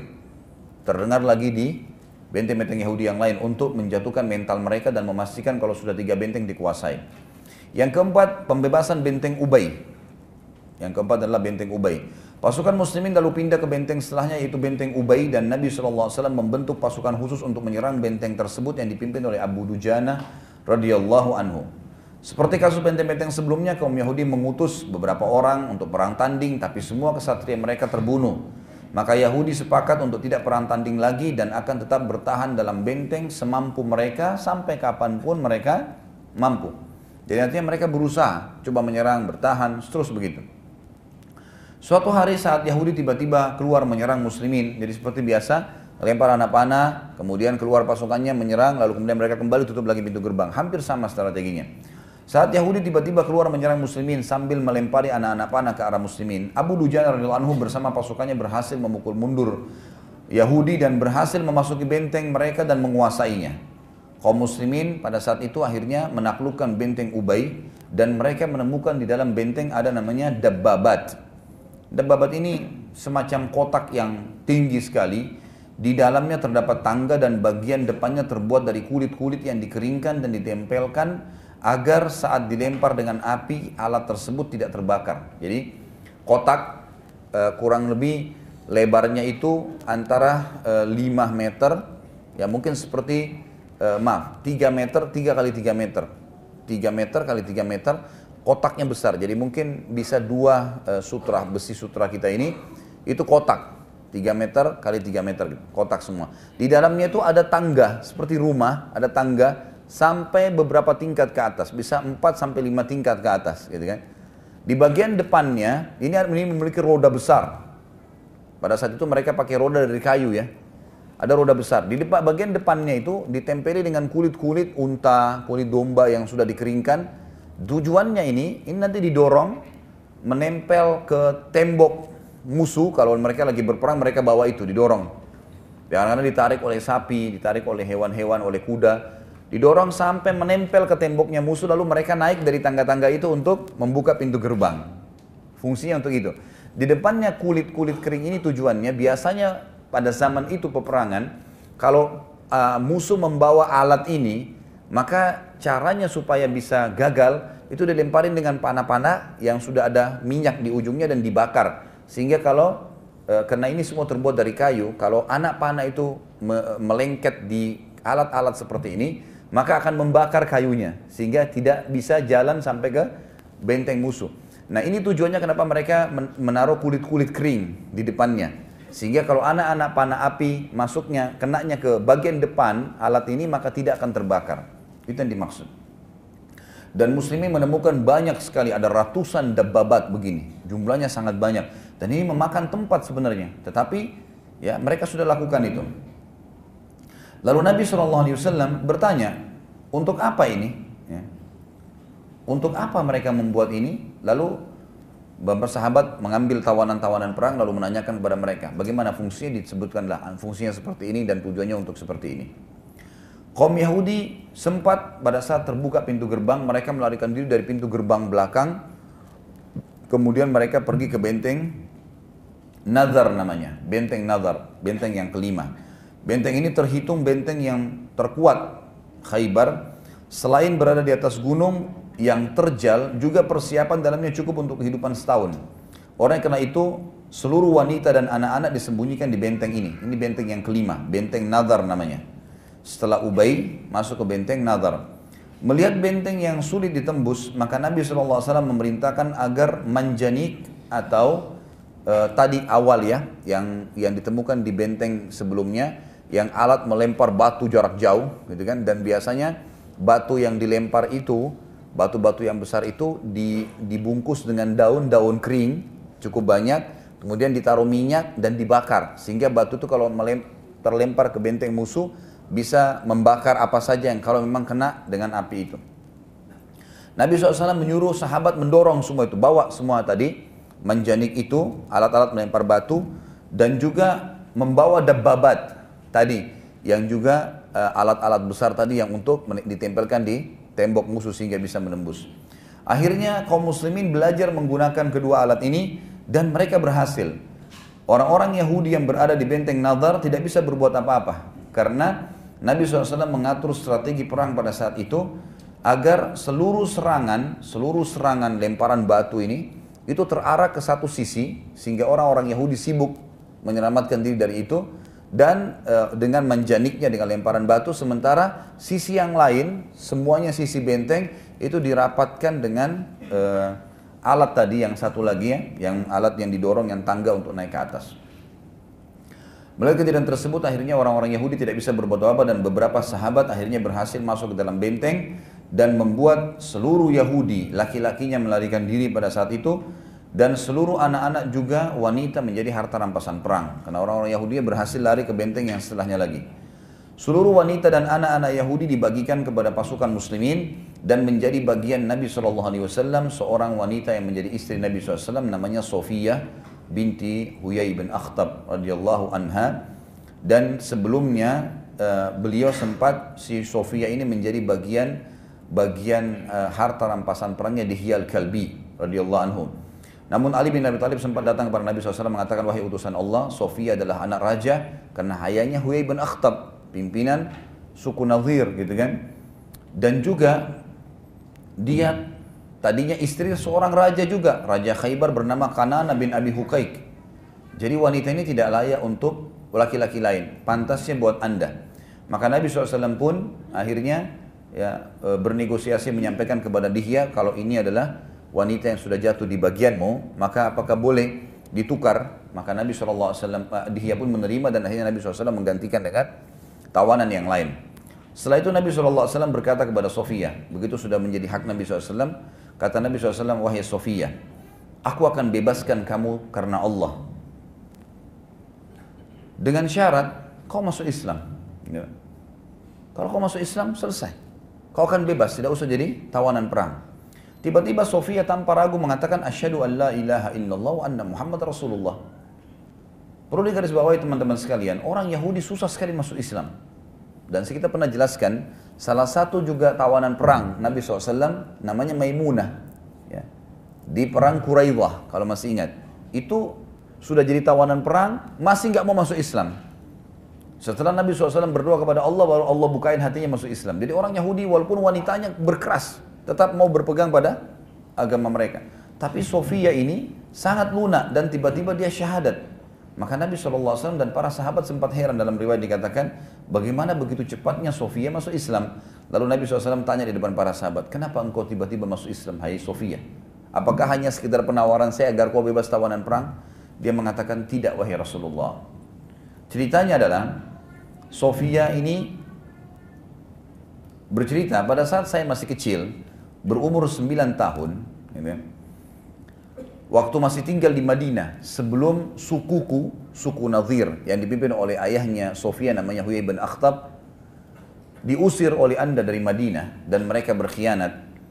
Aku melihat ayahku Huyai bin Akhtab dan pamanku Yasir bin Akhtab pernah atau setiap kali mereka pulang ke rumah, pasti keduanya menyapaku, memelukku, menciumku, karena aku masih kecil pada saat itu. Ya. Satu hari, pada saat Salah satu pendeta Yahudi yang masuk Islam di tangan anda namanya Abdullah bin Salam. Kalau antum masih ingat ceritanya, Abdullah bin Salam pendeta Yahudi yang pernah datang kepada Nabi SAW lalu dia masuk Islam kan. Setelah dia syahadat dia tanya dia bilang ya Rasulullah ada tiga hal, eh, Hai Muhammad saya akan bertanya padamu tiga hal yang tidak diketahui kecuali oleh Nabi. Kalau kau jawab saya akan masuk Islam. Lalu kata Nabi SAW tanyalah. Lalu Abdullah bin Salam mengatakan siapa yang pertama masuk dalam surga. Maka kata uh, Nabi SAW kaum uh, orang fakir dari kaum muhajirin. Apa makanan pertama ahli surga? Kata Nabi SAW, ujung hati ikan. Gitu kan? Lalu bagaimana yang ketiga? Bagaimana caranya seseorang uh, memiliki anak laki-laki atau anak perempuan? Atau menyerupai laki-laki atau menyerupai perempuan? Maka kata Nabi SAW, kalau laki-lakinya lebih dulu klimaks, maka anaknya akan perempuan. Dan kalau uh, perempuannya lebih dulu klimaks, maka anaknya laki-laki. Gitu. Kan? Maka Abdullah bin Salam pun syahadat. Karena dia tahunya diketahui oleh Nabi saja gitu kan. Setelah syahadat kata Abdullah bin Salam, Ya Rasulullah, orang Yahudi ini kaum ghadr, orang yang suka berdusta, berkhianat. Maka jangan sampaikan tentang Islam saya, kecuali ya, undang dulu mereka dan saya akan sembunyi. Kata Nabi SAW, baiklah, dipanggillah. Salah satu yang datang, di antara yang datang dari pimpinan-pimpinan Yahudi waktu diundang oleh Nabi SAW adalah Huyai bin Akhtab, ayahnya Sofia radhiyallahu anha dengan pamannya Yasir bin Akhtab. Dua-duanya pendeta Yahudi dan pimpinan suku mereka. Datang di masjid lalu kata Nabi SAW kepada mereka, di antaranya tadi ayah dan pamannya Sofia radhiyallahu anha, bagaimana kedudukan Huyai bin, uh, bagaimana kedudukan Abdullah bin Salam di mata kalian? Kata mereka, dia adalah pimpinan kami, dia orang yang paling pintar di antara kami, dia adalah orang anaknya pimpinan kami, maksudnya ayahnya Abdullah bin Salam juga ulama kami. Orang yang paling sempurna segala-galanya lah. Kata Nabi SAW, kalau gitu hai Yahudi masuk Islam lah. Karena kalian tahu ini kebenaran, saya adalah utusan Allah. Dan Abdullah bin Salam masuk Islam. Mereka bilang nggak mungkin, mustahil. Nggak mungkin Abdullah bin Salam masuk Islam. Kata Nabi SAW, wahai Abdullah keluarlah. Abdullah bin Salam keluar dari belakang tembok. Hai Yahudi bertakwalah sama Allah. Asyhadu an la ilaha illallah wa anna Muhammad Rasulullah. Tiba-tiba orang-orang Yahudi ini mengatakan apa? Dia orang yang paling bodoh di antara kami. Dia orang yang tidak ya, orang yang terhina, orang yang apalah segala macam penghinaan disampaikan. Maka pada saat itu kata Sofia radhiyallahu anha, ayah dan paman saya pulang ke rumah, ke benteng. Lalu masuk ke dalam rumah. Pertama kalinya mereka masuk ke dalam rumah tidak menciumku dan tidak bermain denganku. Aku pun kaget waktu umurnya masih 9 tahun radhiyallahu anha. Dan aku mendengarkan pembicaraan keduanya. Pembicaraan keduanya adalah Huyai bin Akhtab ayahku berkata kepada pamanku Yasir, apakah ia adalah orang yang telah dimaksudkan dalam Taurat? Benar nggak itu? Kenapa kok bisa sampai Abdullah bin Salam pimpinan kita masuk Islam? Kata Yasir, iya. Dia orangnya. Dan ini didengar oleh Sofia, masih 9 tahun gitu kan. Maka kata Huyai bin Akhtab, apakah engkau telah memastikan semua ciri dan sifat-sifatnya? Kata pamanku, ya Yasir, iya. Kata ayahku, lalu apa keputusanmu? Si kakak bilang sama adiknya. Kata adiknya, si pamannya Sofia ini, aku putuskan untuk memusuhinya selamanya. Tahu masuk Islam. Bodohnya lagi si Huya ini bilang juga, kalau gitu aku ikut sama kamu. Sama-sama masuk neraka nih. Di sini saya tulis saya bilang sungguh ini kebutuhan kebodohan orang-orang Yahudi ya.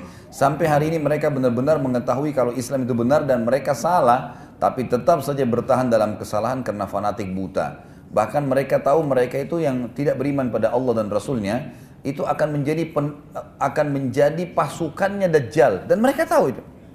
Dan sekarang mereka bangga dengan itu. Kami sedang menunggu pimpinan kami Dajjal. La ilaha illallah. Kata Sofia radhiyallahu anha, semenjak itu Islam pun masuk ke dalam hatiku karena ayah dan pamanku yang merupakan orang terdekat denganku sendiri juga pendeta Yahudi keduanya mengakui kenabian Anda. Sofia radhiyallahu anha sangat terkenal dengan kecantikannya ya. Memang ini punya kelebihan fisik radhiyallahu anha. Cuma memang keadaan fisiknya sama dengan Aisyah ya. Jadi agak pendek ya. Sehingga Aisyah merasa bahwasanya Sofia ini saingannya. Dan sering kali Aisyah radhiallahu anha cemburu dan mengolok-oloknya seraya mengatakan wahai anak keturunan Yahudi gitu kan. Kalimat ini sering diucapkan oleh Aisyah dan Aisyah motivasi istri yang lain, ini orang Yahudi nih. Eh, kita katain wahai anak Yahudi gitu kan.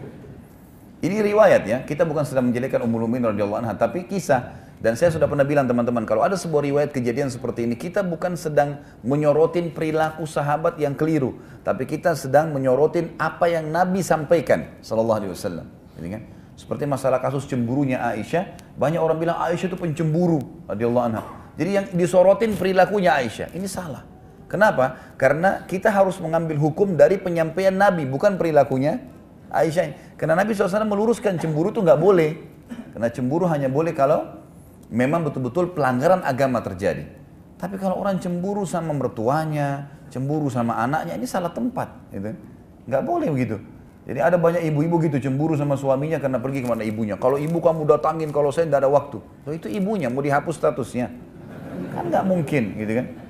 Jadi nggak mungkin. Ada orang cemburu sama anaknya, kalau anak ada waktu, kalau sama saya nggak ada. Gimana anak kamu kok? Gitu. Nggak mungkin, kan ini salah. Maka harus difahamin. Maka karena seringnya diucapkan pada saat awal datang ke Madinah, gitu kan? Aisyah merasa ini adalah saingannya, maka dikatakan hai keturunan Yahudi. Maka suatu hari Sofia sempat menangis dan Nabi SAW bertanya. Jadi Sofia rupanya selalu sembunyikan, tidak sampaikan ke suaminya, gitu kan? Sudahlah ini madu-madu saya biarin aja bilang anak Yahudi. Tapi satu waktu tidak tahan dia nangis, terbawa perasaan. Nabi SAW pas mendatanginya, lalu ditanya, kenapa engkau menangis Sofia? Sofia lalu mengeluh kepada Nabi SAW tentang perilaku para madu Ya, madunya. Maka Nabi SAW berkata, mengajarinya berkata, bila engkau diolok lagi, maka ucapkan, kalau ayahku adalah Harun, seorang nabi, dan pamanku juga Musa, seorang nabi. Dan siapa di antara kalian yang memiliki itu? Maaf, dan suamiku juga nabi. Gitu kan? Maka siapa yang di antara kalian memiliki itu? Di sini disebutkan oleh para ahli hadis, Sofia ini radhiyallahu anha keturunannya Nabi Harun alaihissalam. Memang dia keturunan langsungnya, jalur langsung. Jadi kan makanya ayahnya Huyai bin Akhtab dijadikan raja oleh orang-orang Yahudi.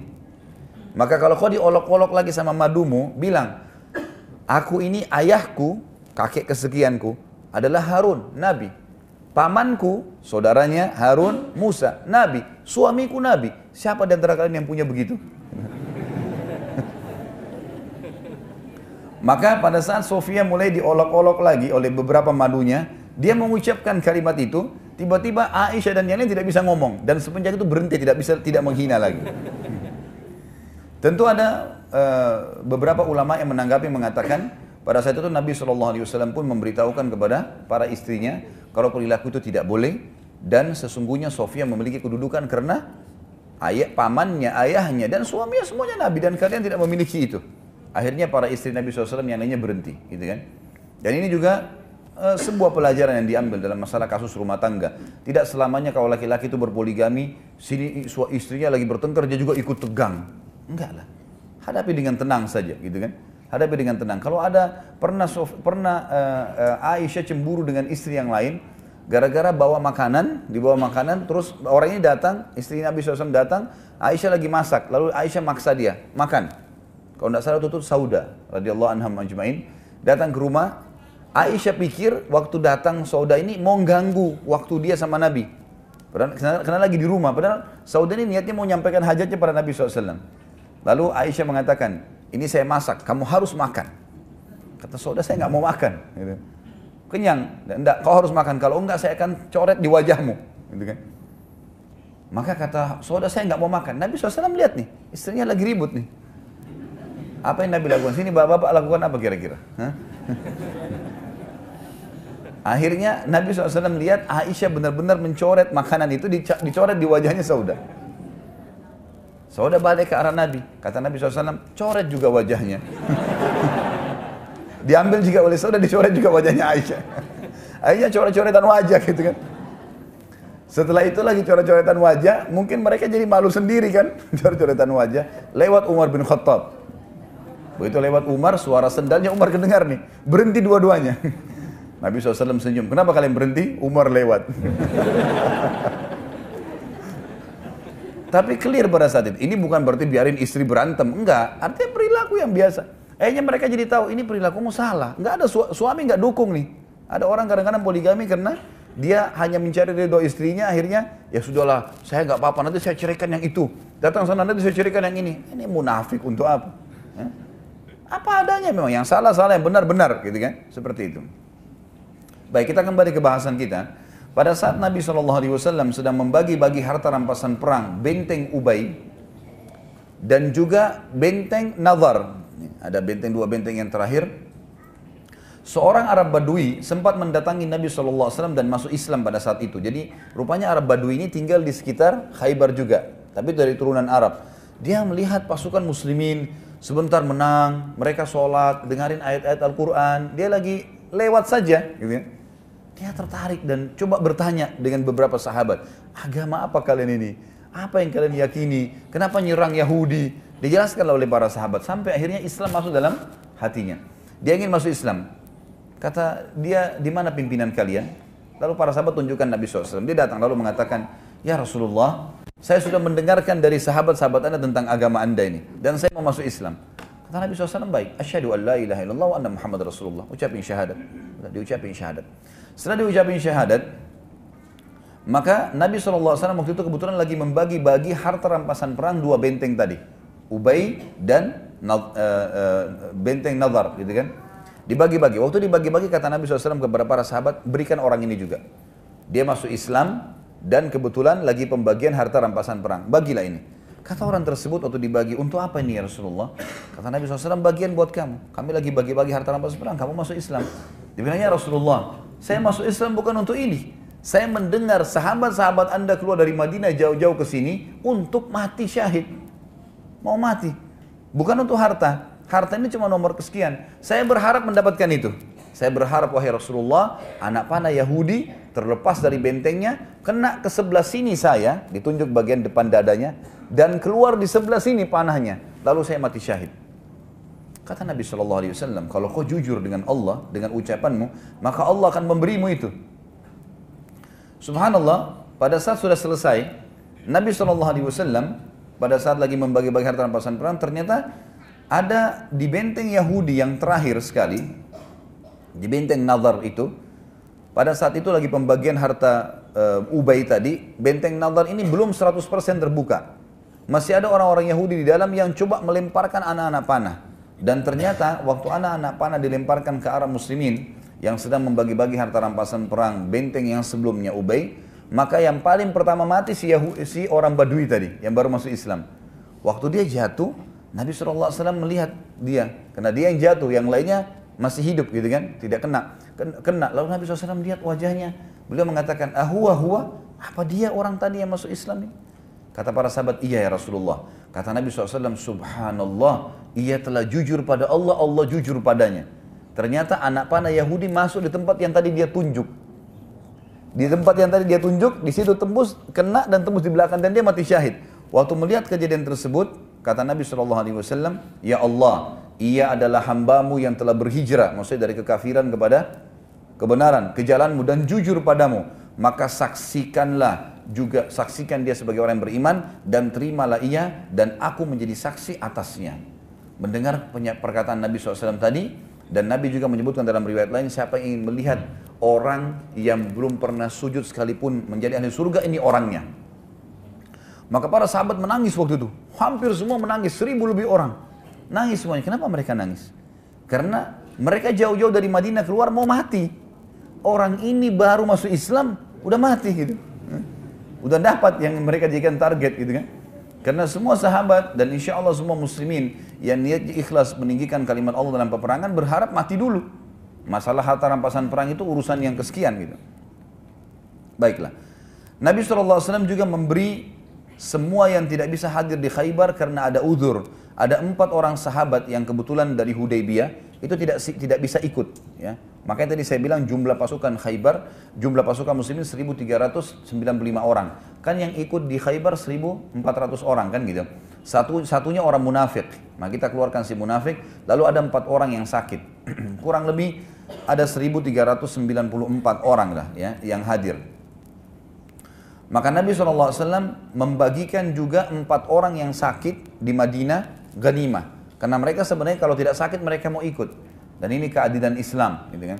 Bagaimana seseorang kalau memang sudah niat, kemudian dia punya udur syari, maka Allah SWT akan berikan. Hampir mirip dengan hadis Nabi SAW yang berbunyi siapa yang terbiasa mengerjakan sebuah amalan, ya, amalan-amalan sunnah kayak biasa puasa Senin Kamis, ya, puasa yang Bid, lalu kemudian dia punya udur, safar, atau tiba-tiba menjadi gila, naudzubillah, atau kena penyakit kronis yang membuat dia tidak bisa lagi puasa, maka pahalanya tetap berjalan karena dia pada saat sehat mengerjakannya. Jadi itu penting sekali teman-teman menjaga ibadah pada saat kita lagi sehat. Sama dengan sholat qobliyah, sholat ba'diyah. Kita sering kerjakan pada saat lagi mukim dan sehat. Kalau kita musafir atau kita punya udur, maka secara otomatis tetap berjalan pahalanya. Tapi bagi yang sudah menjaganya. Baik.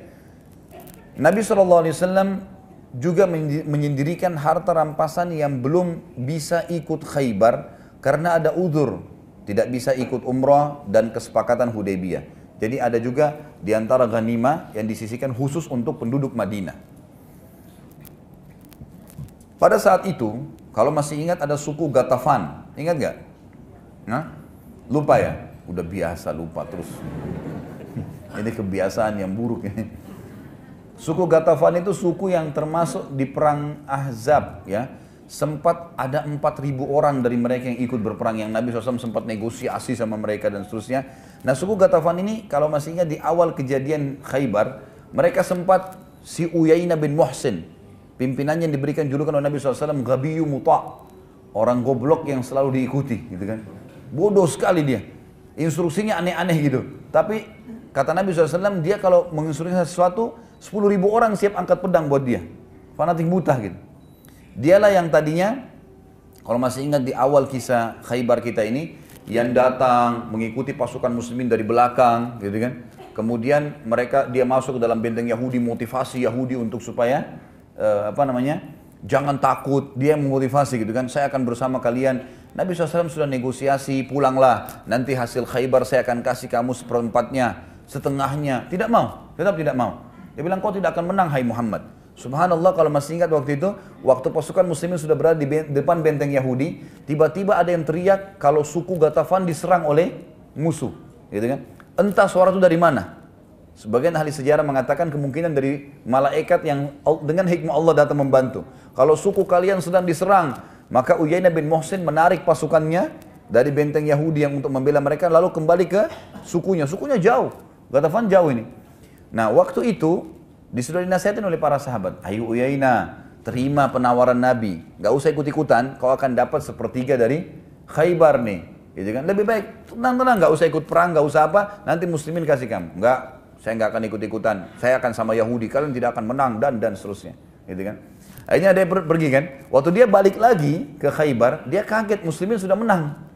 Sudah menembus banyak sekali benteng-benteng kan, terakhir tinggal benteng Nazar gitu kan. Maka Uyaina ini yang bodoh tadi tiba-tiba apa, tiba dengan pasukannya. Saat melihat muslimin telah menang dan sedang membagi-bagi harta rampasan perang, pada saat itu dia datang kepada Nabi SAW dan mengatakan, Hai Muhammad, berikanlah aku bagian dari rampasan itu. Ya. Karena aku telah meninggalkan Yahudi, tidak ikut-ikutan, gitu kan? Dan tidak memerangi kamu bersama mereka. Nabi SAW lalu berkata padanya, Bukankah kau meninggalkan benteng Yahudi karena ada teriakan yang mengatakan sukumu sedang diserang? Kan karena itu kamu tinggalkan. Maka Uyainah pun malu sendiri depan sukunya, gitu kan. Tapi ternyata orang ini memang dasarnya bodoh, gitu kan. Tetap aja dia mengatakan, ya, tapi hai Muhammad, kau adalah orang yang dermawan, kau orang yang baik, berikanlah aku harta rampasan perang, gitu kan. Tetap ngoyoh untuk minta dikasih. Gitu. Maka Nabi SAW berkata padanya, Hai Uyainah, begini aja, aku akan berikan kepadamu raqabah. Gitu kan. Maka Uyainah berkata, apa itu raqabah? Dia pikir ini harta rampasan perang nih. Kata Nabi SAW, Hai Uyainah, bukankah tadi malam waktu kau tidur di sukumu, jadi Nabi apa di perjalanan menuju ke sini, kau sempat mimpi bertemu denganku dan kau lihat aku sedang membagi-bagi harta rampasan perang. Ini membuat Uyainah kaget sekali karena mimpinya Nabi tahu, gitu kan. Semalam kau mimpi waktu sebelum tiba di Khaybar, kalau engkau melihat aku membagi-bagi harta rampasan perang dan kau meminta harta rampasan, harta rampasan perang dan aku berkata, aku akan berikan kepada murakabah. Dan kau bertanya kepadaku, apa itu Raqabah? Lalu aku berkata, Raqabah adalah gunung yang tidak ada apa-apanya dan jauh dari sini. ada sebuah gunung di sana, di wilayah Khaybar, tapi jauh sekali, jaraknya jauh berhari-hari jalan, dikenal dengan gunung Raqabah. Uh, Raqabah kosong sekali, nggak ada apa-apanya, nggak ada pohonnya, nggak ada apa-apa, gunung batu gitu kan. Dan itu dikenal dengan uh, isyarat orang kalau oh saya sudah sampai di Raqabah, mudah dikenal karena gunung itu gampang dikenal, tidak ada apa-apanya gitu. Maka kata Nabi SAW, kalau mau kau bisa ambil rokabah, silahkan. Gitu kan. Maka Uyainah sudah faham kalau tidak akan dikasih apa-apa oleh Nabi SAW. Tentu layak, tidak mungkin dikasih. Bukan muslim, tadinya memerangi muslimin dan seterusnya. Lalu pada saat itu, Uyainah lalu mendatangi Yahudi, karena dia lihat Nabi SAW percuma tidak kasih apa-apa. Dia masuk ke benteng Nazar yang masih belum dibuka semuanya oleh Nabi SAW kan. Masih terjadi proses peperangan. Maka dia masuk ke sana dan memotivasi Yahudi agar jangan takut sambil berkata, aku akan bersama kalian. Namun anehnya pada saat itu kaum Yahudi kan sudah tahu semua benteng mereka sudah dikalahkan tinggal benteng yang satu dan Uyainah tadinya meninggalkan mereka. Ya. Maka orang Yahudi malah menyalahkan Uyainah sambil berkata, kami tidak kalah justru kecuali justru karena kamu. Ya. Maka Uyainah pun diusir oleh orang Yahudi dari bentengnya. Maka Uyainah pun akhirnya pulang dan tidak membawa apa-apa. Selanjutnya teman-teman sekalian ada pembebasan atau pembukaan benteng Kanana dan juga kemenangan muslimin secara mutlak. Ini sebenarnya benteng yang keenam ya, tapi setelah benteng Nadar tadi gugur, rupanya ada benteng satu lagi yang memang ini dianggap pertahanan terakhir Yahudi di ujung Khaybar. Di dalam benteng ini ada raja Yahudi yang bernama Kanana bin Abi Hukaik. Kanana ini sangat takut karena melihat tahu muslimin telah menang. Demikian pula kaumnya Yahudi secara umum. Sampai saat akan mengikat busur panah pun ia tidak mampu mengikat talinya. Nah biasanya busur panah diikat lagi talinya gitu kan. Ini, kalau kita sekarang sudah model baru dicantolin aja. Zaman dulu orang masih mengikat manual. Maka ia pun menyatakan penyerahannya kepada muslimin. Karena dia kena takutnya ya, dan benteng ini terakhir pasukan muslimin sudah merebut semua benteng-benteng banyak jadi tawanan perang orang-orang Yahudi maka akhirnya dia pun melihat dirinya pada saat dia mau coba melempar anak panah ikut dengan pasukannya tidak bisa karena lemahnya tangannya dan dia tahu kalau dia tidak bisa. Maka kaum Yahudi pun pada saat itu disuruh oleh dia untuk menyerahkan diri. Masih ada sebagian mereka menyatakan kita berdamai saja. Saat mencoba damai ternyata Nabi SAW menolak pada saat itu untuk damai sebelum perang. Dan Nabi SAW berkata kepada mereka kalau kalian mau tunduk pada hukumku. Tapi bukan damai. Karena ketakutan akhirnya Yahudi pun setuju. Nabi SAW memberikan syarat. Yahudi harus keluar dari Khaybar, bahkan keluar dari seluruh jazirah Arab menuju ke negeri Syam. Pada saat itu, kalau yang masih mau hidup, boleh keluar dari jazirah Arab dan perginya ke negeri Syam. Yang kedua, Yahudi tidak boleh membawa harta, baik emas maupun perak. Juga seluruh senjata dan balasan seluruh tawanan laki-laki mereka dibebaskan. Artinya kalau mereka ikutin, nggak ada harta yang disembunyi, emas dan perak, mereka juga tidak membawa senjata apa pun, semua tawanan laki-lakinya bebas. Silakan pergi. Bila ada satu saja emas atau perak yang disembunyikan, maka seluruh Yahudi akan dibunuh. Sepakat ini. Setuju nggak? Ini syarat yang terberat bagi Yahudi karena mereka mencintai emas lebih dari dirinya sendiri. Ya. Jadi orang-orang Yahudi luar biasa, gitu ya. Allah menyebutkan dalam Al-Quran itu. Mereka mencintai uh, harta itu dengan luar biasa gitu ya. Maka Yahudi pun akhirnya memenuhi syarat Nabi SAW dan seluruh Yahudi keluar dari benteng mereka dan tidak boleh bawa apa pun. Satu persatu diperiksa. Cuma pakaian di badan, bawa bekal makanan, keluar. Gitu kan. Dan Nabi SAW menyuruh mereka agar berkumpul di satu tempat, lalu jalan bersama-sama. Tidak boleh satu-satu orang, suruh keluar sekalian bersamaan. Pada saat mereka keluar dari benteng mereka dan mereka tidak bawa apa pun, muslimin mendapatkan dari benteng tersebut harta rampasan perang, ada seribu tombak, ada empat ribu busur, ada empat puluh ribu pohon kurma, dan masih banyak yang lainnya. Salah satu yang ditemukan oleh muslimin adalah kitab Taurat yang tua.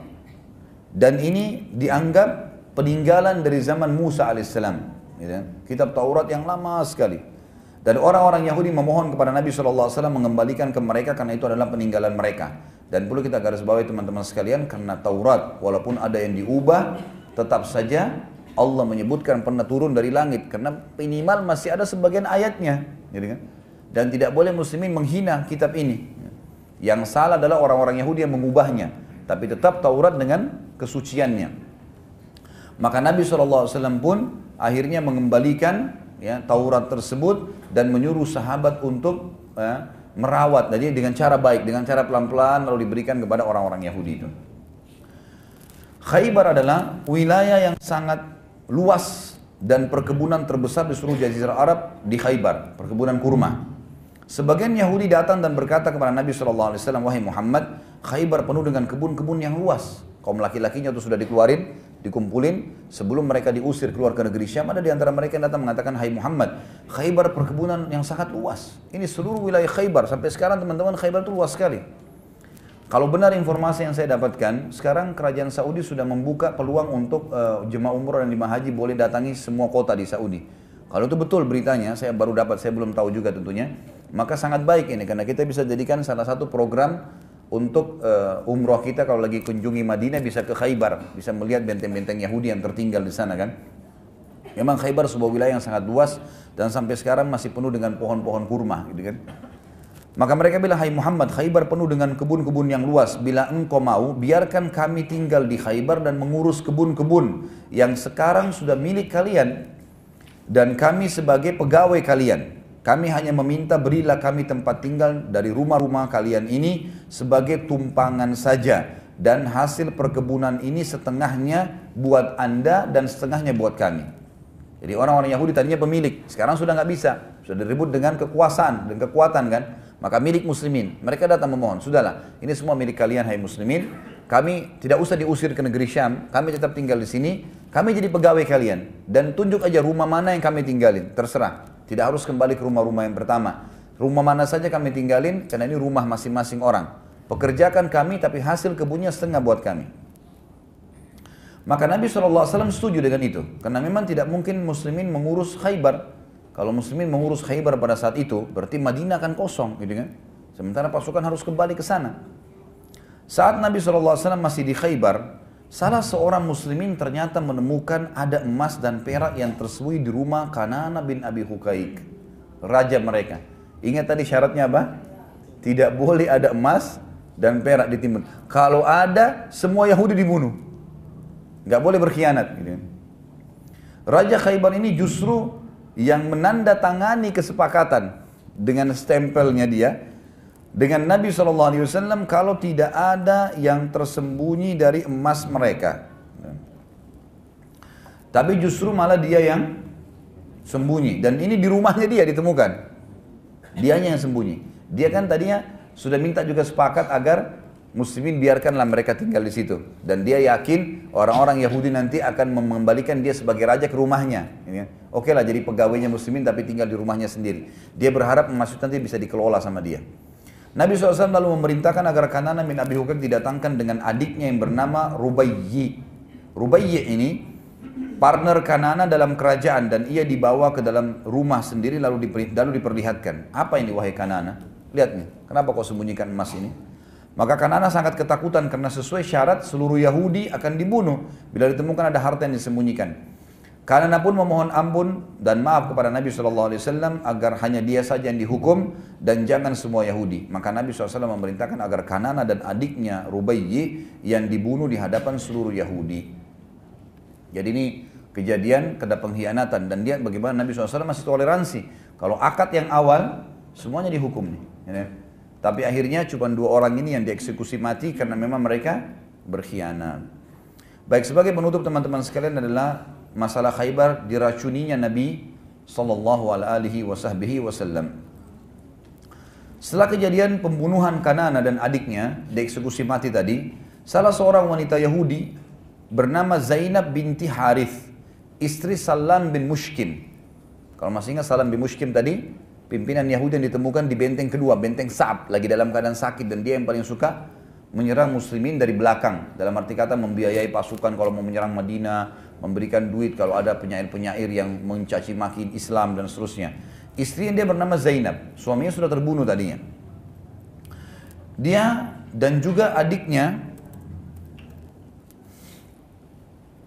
maaf, Zainab binti Haris istri Salam bin Mushkim yang juga telah dibunuh dan ia juga adiknya Marhab, kesatria Yahudi yang juga tadi terbunuh di tangan Muhammad bin Maslamah radhiyallahu anhu.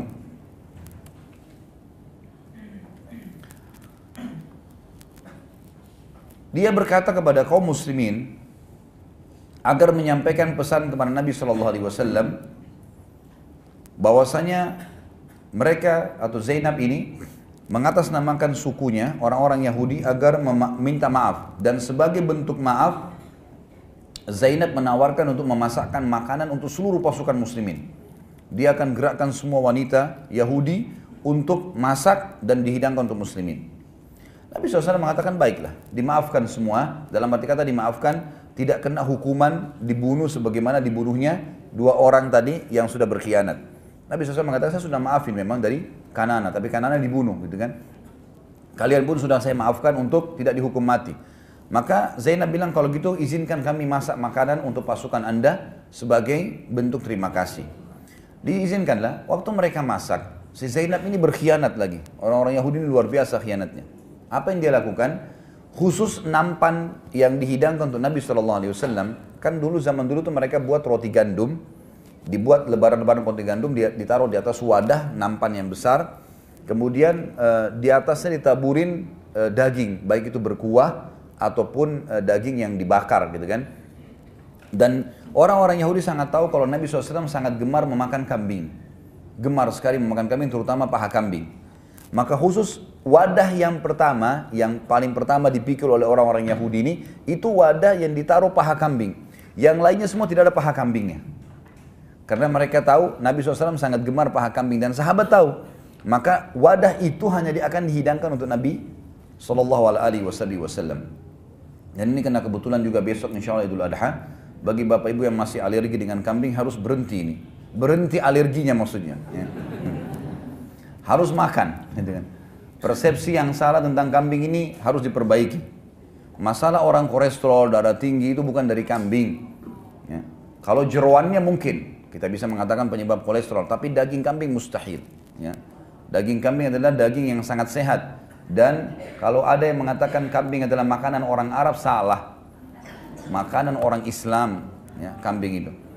Karena pertama Nabi SAW dalam hadis Bukhari sangat gemar makan paha kambing. Kalau semua muslim yang syahadat, mau orang Arab, mau orang bule, mau orang Melayu, mau orang hitam dari Afrika, makan kambing karena Rasulullah SAW suka, dapat pahala.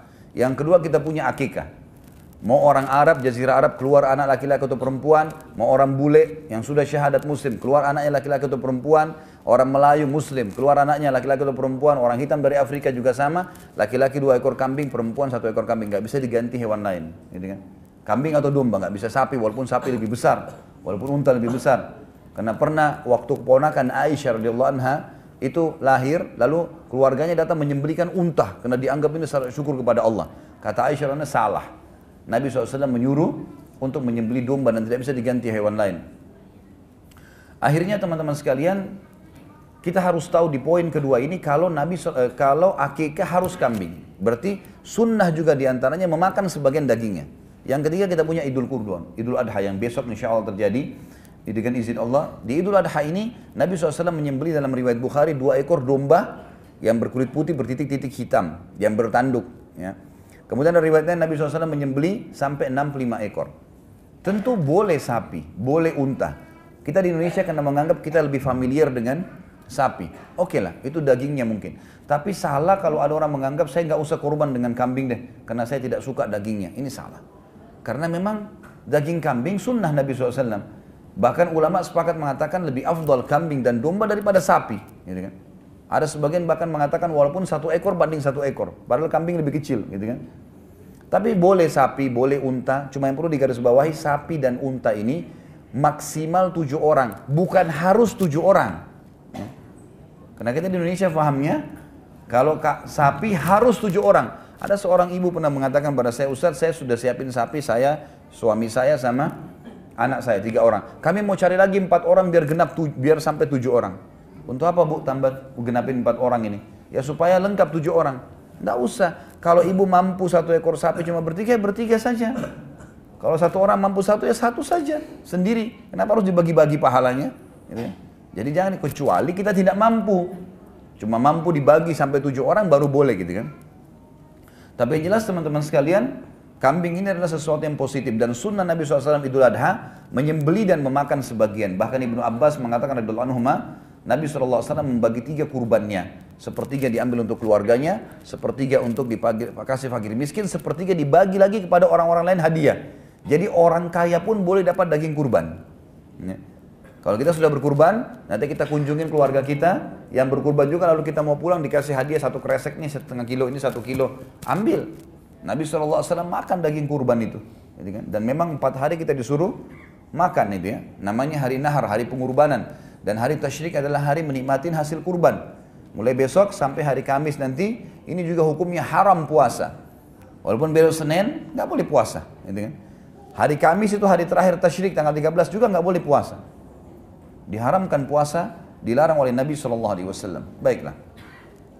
Intinya makan kambing ya. Yang membuat masalah hanya bumbunya. Ya. Kita ahli bumbu di Indonesia ini. Garamnya banyak, santannya banyak. Nah ini yang jadi masalah. Kalau daging kambing tidak ada masalah, insya Allah ya. Baik. Nabi SAW akhirnya menerima tadi penawaran masakan dan orang-orang Yahudi tadi Zainab ini meletakkan nampan yang pertama paha kambing sehingga semua sahabat pada saat melihat mereka betul-betul melihat ini ada paha kambing berarti Nabi SAW tahu suka nih udah biarin aja Nabi yang makan nih ditaruhlah di, di sebuah di lapangan yang luas makanan tersebut banyak nampan ini banyak mungkin bisa sampai seribu nampan banyak sekali gitu kan karena memang seribu lebih pasukan muslimin mereka menunggu Nabi SAW keluar Ditaruhlah nampan itu paling tengah, gitu kan? Untuk Nabi SAW di kiri kanan banyak nampan-nampan yang lain. Waktu Nabi SAW keluar, sahabat ini pada saat itu dalam sebuah riwayat dikatakan sudah tiga hari kelaparan. Gak ada makanan, habis dalam peperangan gitu kan. Pasukan butuh makanan, butuh ekstra tenaga. Waktu dihidangkan makanan, wah ini sebuah karunia pemberian dari Allah SWT. Mereka tunggu saja Nabi sebagai adabnya, tata keramanya, jangan buru-buru makan lah. Tunggu Nabi. Nabi SAW begitu keluar, kemudian Nabi membaca basmalah, begitu beliau mengambil bagian dari daging kambing itu, dicuil gitu kan, dimasukkan ke mulut, sahabat semua sudah ngambil makanan. Baru saja masuk ke mulut Nabi SAW, kata Nabi SAW, kufu aidiyakum. tahan tangan kalian. Sahabat ada yang bilang, ya Rasulullah lapar. Tiga hari nih.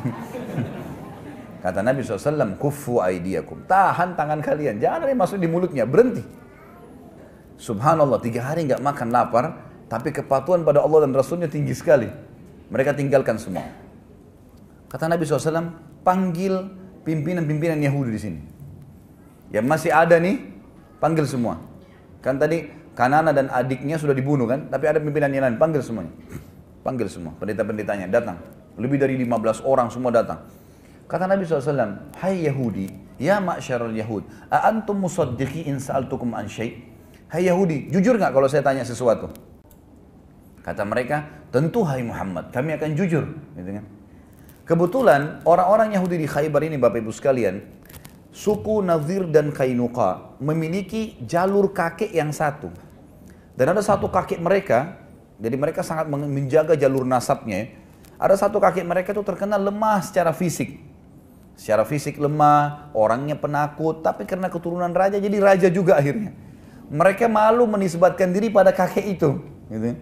Akhirnya apa yang terjadi? Pendeta-pendeta Yahudi sepakat menghapus namanya orang itu dari jalur nasab. Tapi orang Yahudi nggak tahu. Dan e, mereka mengalihkan nama kakek ke kakek Yahudi yang lain dari suku Quraidah yang di Madinah gitu kan. Itu terkenal orangnya kuat, perkasa segala macam. Mereka mengatakan waktu Nabi bilang, siapa kakek kalian? Di depan mereka semua. Dan ini strategi Nabi SAW untuk menjebak Yahudi agar tidak berkhianat. Karena Nabi sudah tahu sifat mereka. Siapa kakek kalian? Oh kakek kami Fulan bin Fulan. Yang paling hebat nih. Jadi kakek yang mereka disebutkan nama ini pemberani, punya keturunan banyak, hartanya banyak. Kata Nabi SAW, kalian telah dusta.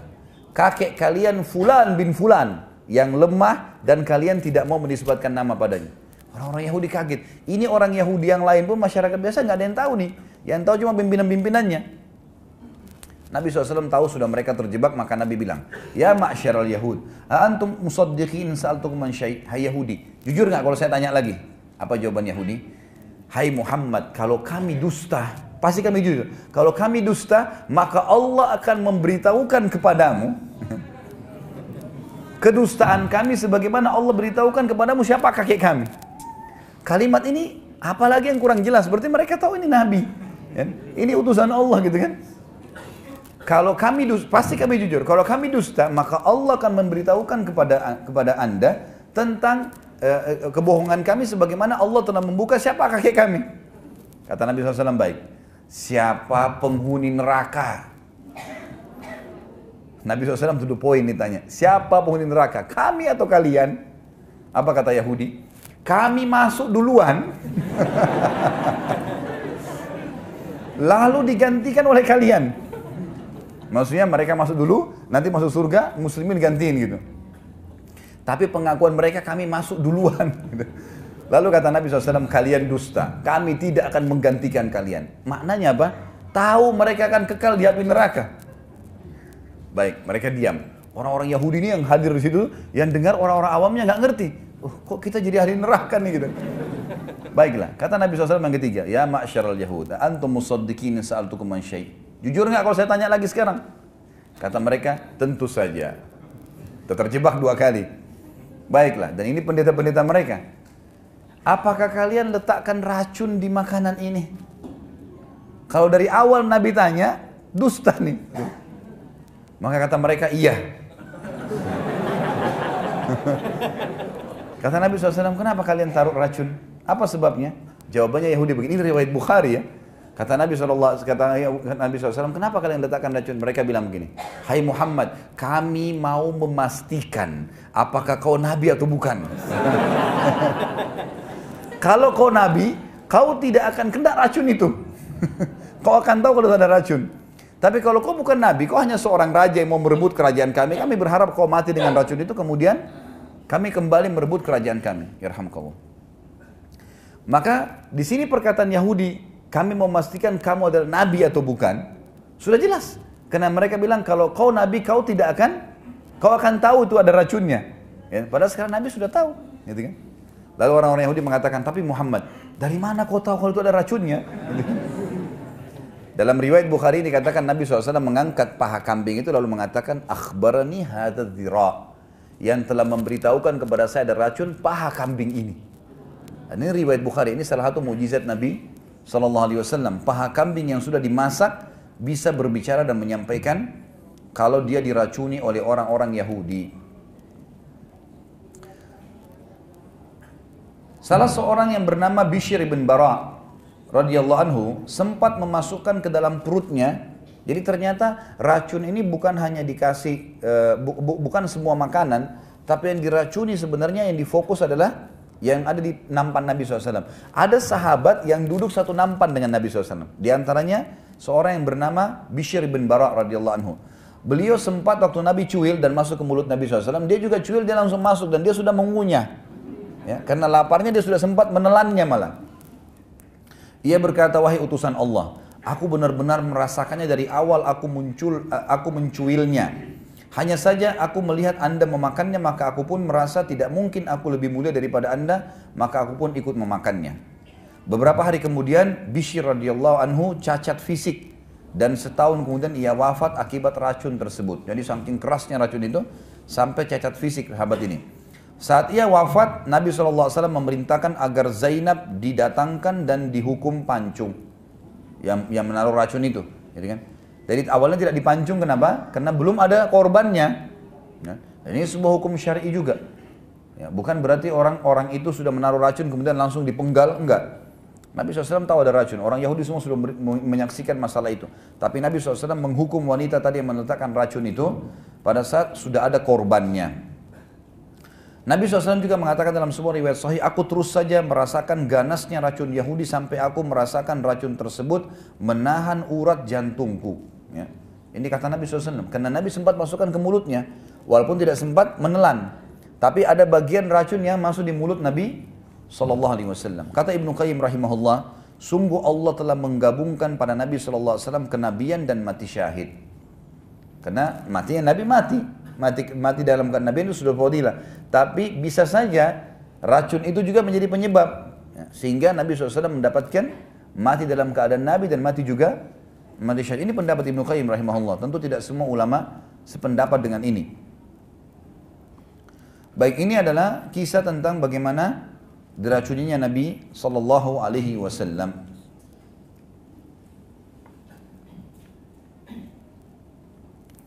Mungkin sampai sini teman-teman sekalian dan insya Allah kita akan lanjutkan pertemuan akan datang tentang kembalinya Nabi SAW ke Madinah dan juga uh, sampainya berita kematian kekalahan Yahudi didengar oleh orang-orang Quraisy Mekah.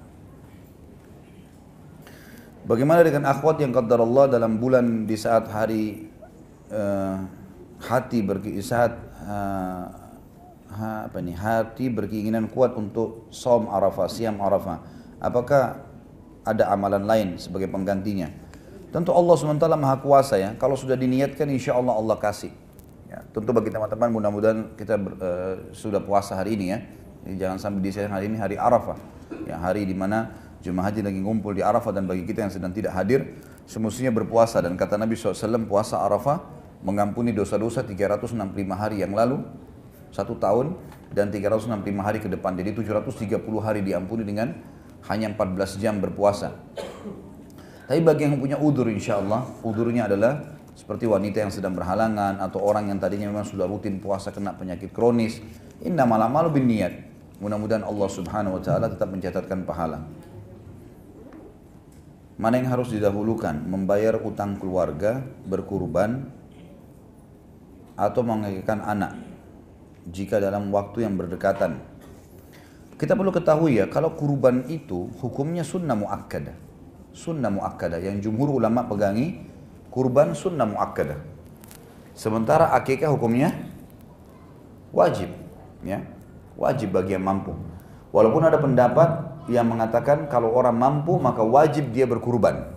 Ada pendapat juga, tapi masih khilaf antara sunnah muakkadah dengan wajib. Cuma akikah tidak ada yang toleransi masalah hukum wajibnya ini bagi yang mampu. Jadi kalau bertemu antara kurban sama akikah maka akikah lah, gitu. Pasti itu didahulukan di hari ketujuhnya. Cuma teman-teman sekalian ini pertanyaan sering terle terlewatkan, sering-sering ditanyakan di waktu yang bersamaan nih. Kenapa harus dipertemukan antara akikah dengan kurban? Gitu kan? Artinya kalau punya kelebihan rezeki, akikah ya kurban lakukan semuanya. Banyak orang kadang-kadang ragu ini karena mengeluarkan sedekah bagi mereka masih seperti prinsip kapitalisme. Dalam arti kata mengeluarkan duit berarti berkurang. Salah ini. Hapus dari benak kita prinsip seperti itu. Yang ada yang benar adalah kalau kita mengeluarkan sedekah kata Nabi SAW mana kasamalun min sedekah tidak akan berkurang harta seorang hamba karena bersedekah. Artinya nggak mungkin. Memang secara nilai kuantitas kayak berkurang. Saya punya 10 juta, potong 2 juta kambing atau atau atau domba, maka jadi sisa 8 juta secara kuantitas. Tapi dalam agama tidak. Kalau kita sudah mengeluarkan teman-teman sekalian sesuatu di jalan Allah, apalagi berhubungan dengan sedekah, Allah Subhanahu wa taala menjanjikan menjanjikan setiap perbuatan baik minimal 10 kali lipat. Jadi sebenarnya kalau kita keluarkan 2 juta, itu seperti kita sudah siap menerima 20 juta ke depan. Gitu. Itu minimal. Karena Allah subhanahu wa ta'ala mengatakan dalam Al-Quran, A'udzubillahi minasyaitonirrajim, man ja'a bil hasanati falahu asyru amthaliha. Siapa yang berbuat kebaikan, maka Allah akan datangkan untuknya 10 kali lipat balasannya. Dalam sebuah hadis Bukhari, hadis Qudsi Allah berfirman, semua amal ibadah anak Adam sudah ditentukan kadar pahalanya 10 sampai 700 kali lipat.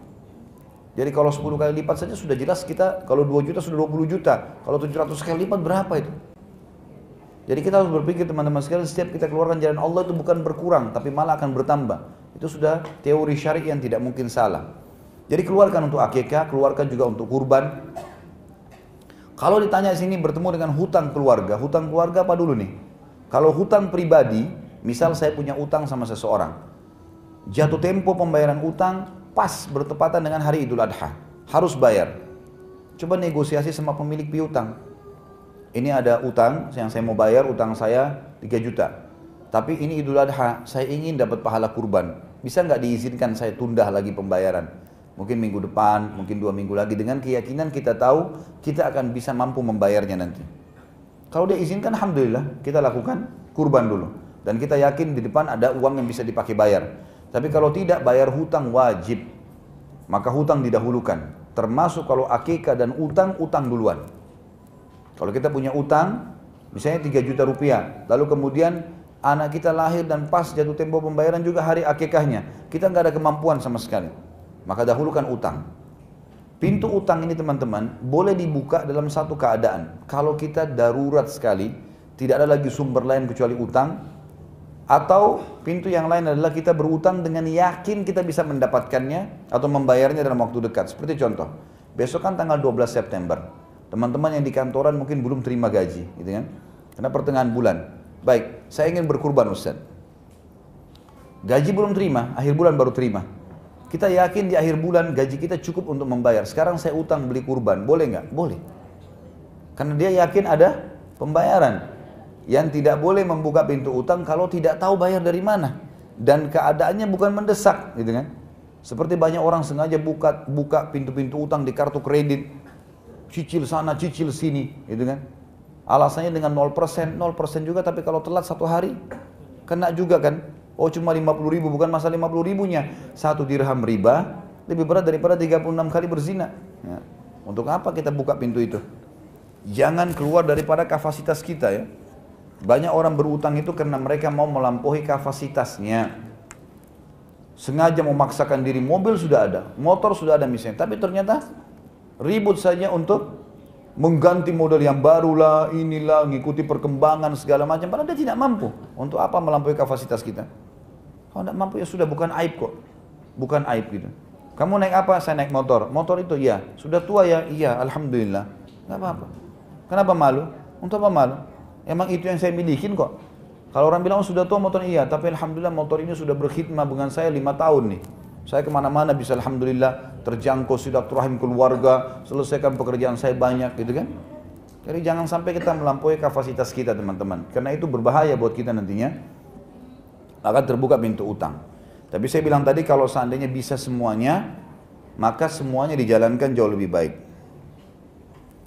Sama juga yang uh, ini ya, yang kasus uh, kalau misalnya orang berhutang, misal Bapak Ibu punya sebuah cicilan, cicilan tiap bulan misalnya satu juta, ini contoh saja, cicilan satu juta. Utang kita 10 juta, kita bayar tiap bulan satu juta. pas cicilan yang ke 8 misalnya, kita harus bayar 1 juta, bertepatan Idul Adha, mau berkurban. Maka ada uang cicilan 1 juta yang bisa kita bayar utang, kita juga masih punya 2 juta untuk bisa beli kurban. Lakukan dua-duanya. Walaupun utang kita belum lunas semua, karena jatuh temponya bulan depan lagi. Jadi tetap di sini boleh asal kita sudah membayar yang pada saat itu kewajiban kita. Dalam peperangan bolehkah mengambil kambing gembalaan musuh untuk dimakan sebagaimana tadi diceritakan? Riwayatnya menyatakan seperti itu. Nah, dalam peperangan bukan saja gembalaan itu, orang-orangnya pun kalau dikalahkan menjadi sahaya, gitu kan? Dan memang dalam keadaan pasukan muslimin kelaparan tadi. Kita harus mempertemukan dua riwayat ya. Kalau teman-teman masih ingat pertemuan yang lalu saya pernah sebutkan, ada satu budak Yahudi berkulit hitam yang mengembala domba. Kemudian dia membawa menggiring domba-domba Yahudi ke pasukan muslimin. Waktu tiba di sana dia mengatakan, "Ya Rasulullah, saya mau masuk Islam. Saya sudah lama dengar Islam nih." Kata Nabi SAW, syahadat lah. Syahadu la ilallah wa Muhammad Rasulullah. Masuk Islam orang itu. Lalu dia mengatakan, ya Rasulullah, ini domba-domba gimana? Ratusan ekor punya Yahudi. Masuk sekarang ke pasukan muslimin. Diamanahkan kepada saya. Kata Nabi SAW, kembalikan. Kami tidak akan mengambil amanah. Kami tidak akan mengambil amanah. Karena ini amanah. Kembalikanlah. Kata orang itu, ya Rasulullah. Tapi kalau saya kembali mereka pasti membunuhku. You know? Pasti membunuhku. Kata Nabi SAW, lepaskan ya lepaskan saja Allah akan membuat dia kembali sendiri. Maka kata para sahabat kami pun menyaksikan pada saat dembalan domba itu diusir oleh orang yang tadi baru masuk Islam ini, maka domba-domba tersebut seperti ada yang menggiringnya masuk ke benteng Yahudi sendiri. Ini sebuah riwayat. Nabi SAW tidak pernah mengambil amanah-amanah orang-orang gitu kan.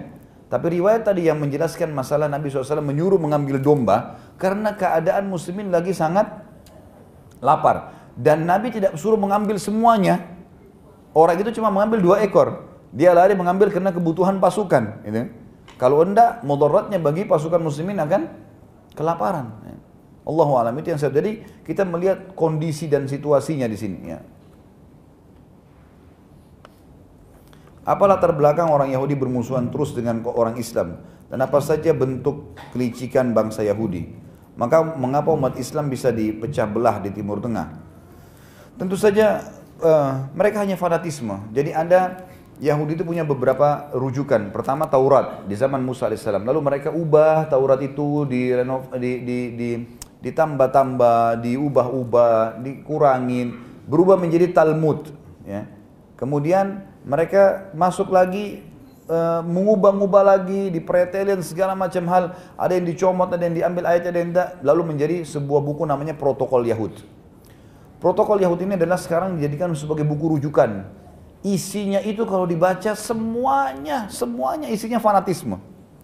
Saya pernah punya buku itu dalam bahasa Arab. Waktu masih mahasiswa dulu. Dan kami pernah pelajari uh, sebagiannya sama dosen waktu di kelas dulu.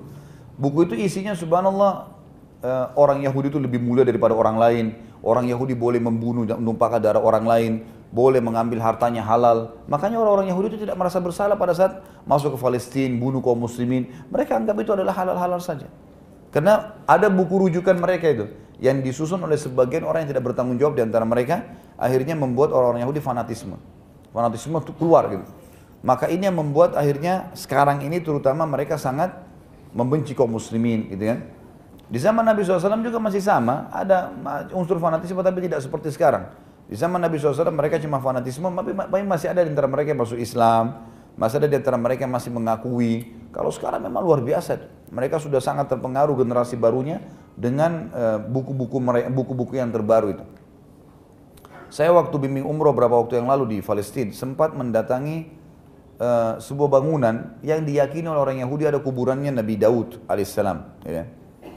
Tentu kita muslimin tidak yakin dengan itu. Dalam arti kata Ulama kita lebih sepakat mengatakan hikmah Allah Subhanahu wa taala Nabi SAW tidak pernah menyampaikan kuburan para nabi di mana kuburannya Shu'aib, di mana kuburannya Musa, di mana kuburannya Ibrahim.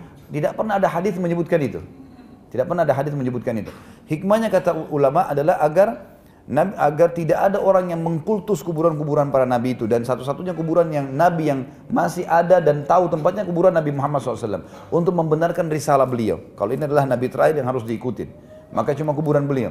Ada beberapa sahabat sempat bertanya, ya Rasulullah, di mana kuburannya Musa alaihissalam? Kata Nabi SAW di sebuah gunung di Palestina dengan ukuran batu yang dilempar. Tapi Nabi tidak sebutin lokasinya di mana, agar sahabat tidak perlu ke sana khusus datang, gitu kan? Memang sudah seperti itu hikmahnya. Maka kuburan ini cuma seperti uh, sebuah kotak saja. Lalu waktu kami masuk ke sana, orang pendatang boleh datang, gitu kan? Tapi orang yang tidak pakai kopi ya, kalau kita muslimin alhamdulillah pakai kopi ya. Kalau tidak pakai kopi ya disiapin kopinya Yahudi yang kecil tuh. Hmm. Hmm. Supaya pakai, alasannya menghormati tempatnya mereka gitu. Alhamdulillah kita punya kopi ya sendiri kita pakai gitu. Masuk ke dalam, ternyata saya lihat di dalam itu anak-anak kecil-kecil, mungkin masih SMP sama SMA ya. Yang memang kelihatannya pakai topinya mereka yang hitam, yang bulat, kemudian pakai baju jubah yang hitam, lalu mereka lagi menghafal itu. Jadi menghafal. Cuman saya tidak tangkap apa yang dihafal, Eh, karena dalam bahasa mereka bahasa Ibria. Tapi pada saat itu saya melihat eh, buku-buku ini di pak di daratan apa di rentetan rak-rak buku itu kayaknya sama semua bentuknya. Kemungkinan mungkin buku-buku ini. Dan memang saya mengetahui dari beberapa informasi kalau mereka sedang menghafal buku-buku itu termasuk buku protokol itu. Isinya memang Yahudi itu lebih mulia dari orang lain. Allah mengatakan dalam Al-Quran sebenarnya ya. Mereka mengatakan nahnu abna'ullahi abna'ullahi wa ahibba'u. Mereka mengatakan kami adalah anak-anak Allah dan kekasih-kekasih Allah. Jadi mereka anggap selain mereka itu adalah orang-orang yang tidak perlu dihormatin, boleh dihina dan seterusnya lah. Dan itu memang uh, generasi mereka makin makin turun, makin dekat dengan hari kiamat ini makin ya makin apa namanya makin makin fanatik karena sudah buku-buku yang direvisi yang mereka baca dan mereka hafal. Kalau tadi selanjutnya adalah uh, mengapa umat Islam bisa dipecah belah di Timur Tengah?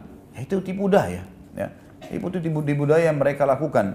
Sehingga memang e, kaum muslimin sekarang harus sadar. Mudah-mudahan setelah bertahun-tahun ini terjadi perpecahan di tengah-tengah umat ini, bisa kaum muslimin menyadari tentang pentingnya kita kembali kepada kebenaran agama Islam dan menjaga kemurniannya. Karena kita mudah dipecah-pecahin seperti perkataan sunnah khoronj dan yang lainnya dari para orientalis gitu kan. Itu mereka mengatakan jangan perangi umat Islam di uh, jihad, di kancah peperangan. Karena kalau diperangi dengan jihad mereka makin dekat dengan agama mereka. Tapi pecahkan dulu mereka. Masuk ke masalah khilafiyah mereka. Jadi umat Islam disuruh fanatik-fanatik. Kelompok ini, yayasan ini, apalah ormas ini segala macam. Pecah-pecahin mereka di situ.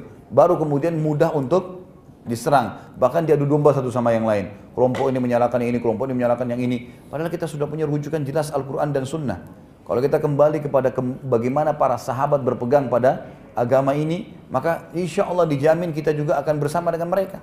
Kemudian Islam akan kembali. Kalau sekarang kan tidak. Kita setiap kelompok punya cara ibadah sendiri. Mau dikasih tahu ini tidak ada dalilnya tetap aja nggak mau dengar. Jadi susah ya.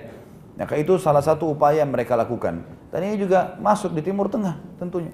Masuk di Timur Tengah bukan mustahil mereka masuk ke dalam hal-hal seperti ini. Tolong jelaskan sababul wurud mengenai memakan daging unta dapat membatalkan wudhu. Lalu bagaimana dengan bersentuhan dengan lawan jenis dapat membatalkan wudhu? Apa yang dimaksud dengan berjima? Ini semua di luar tema ini. Kalau masalah daging unta membatalkan wudhu, sabda Nabi SAW. Dan tidak semuanya hukum syari kita harus cari tahu hikmahnya. Orang beriman itu beriman dulu, gitu kan? Apa yang diperintahkan? Nabi Ibrahim alaihissalam waktu dia dilempar ke api dia tidak tahu kalau api itu akan jadi dingin baginya, gitu kan? Tapi dia berusaha ikhtiar, berdoa. Nabi Musa AS waktu cambukan tongkatnya tidak tahu kalau air laut merah akan berdiri menjadi seperti tembok. Dia cuma melakukan perintah, gitu kan? Maka melaksanakan, melaksanakan perintah Allah ini adalah kewajiban bagi seorang mukmin. Kerjakan dulu. Kalau ada hikmahnya baru itu memperkuat saja.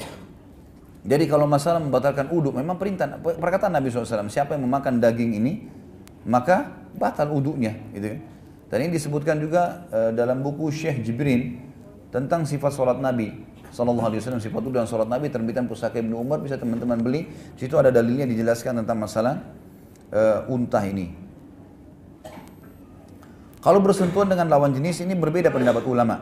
Imam Syafi'i rahimahullah mengatakan firman Allah SWT dalam surah Al-Maidah ayat 6, "A'udzubillahi nisa" atau kalian melamas wanita. Kata Imam Syafi'i rahimahullah, menyentuh wanita dalam kondisi syahwat atau tidak, gitu kan? Yang penting bukan mahram abadi, bukan ibu, bukan tante, ya. Istri pun termasuk sini karena istri atau suami bukan mahram abadi, mereka hanya mahram kalau selama ada status suami istri. Kalau cerai kan sudah bukan mahram, apalagi kalau sudah lewat masa iddah. Maka kata Imam Syafi'i ini batal wuduknya. Tersentuh sengaja, tidak sengaja, syahwat atau tidak syahwat. Karena Allah mengatakan awlamas sumun nisa atau kalian menyentuh kaum wanita. Jumhur ulama pada saat uh, tentu di sini ada tiga imam, Imam Ahmad, Imam Malik dan Imam Abu Hanifah mengatakan yang dimaksud dengan lams adalah sentuhan dengan syahwat. Artinya kalau memang orang cuma gandengan tangan suami istri ya, atau bersentuhan tidak disengaja, maka itu tidak batal. Karena ada hadis yang sahih menyebutkan Aisyah berkata Nabi SAW pernah mengucupku pada saat mau keluar sholat lalu kemudian beliau memimpin sholat tanpa beruduk lagi. Gitu kan. Ini khilaf antara ulama dan tentu ini adalah hal yang masih terbuka alhamdulillah karena masalah furu'iyah gitu kan. Seseorang bisa berpegang pada pendapat yang lainnya tapi bijaknya seorang mukmin mengikuti dalil bukan mengikuti pendapat seseorang. Apa yang dimaksud dengan berjima? Hubungan biologis tentunya. Ya. Itu bahasa santunnya syariat mengatakan jima. Ya. Adakah hadis yang menjelaskan ini yang nanya bujang atau sudah nikah? Kayaknya bujang ini nggak ngerti.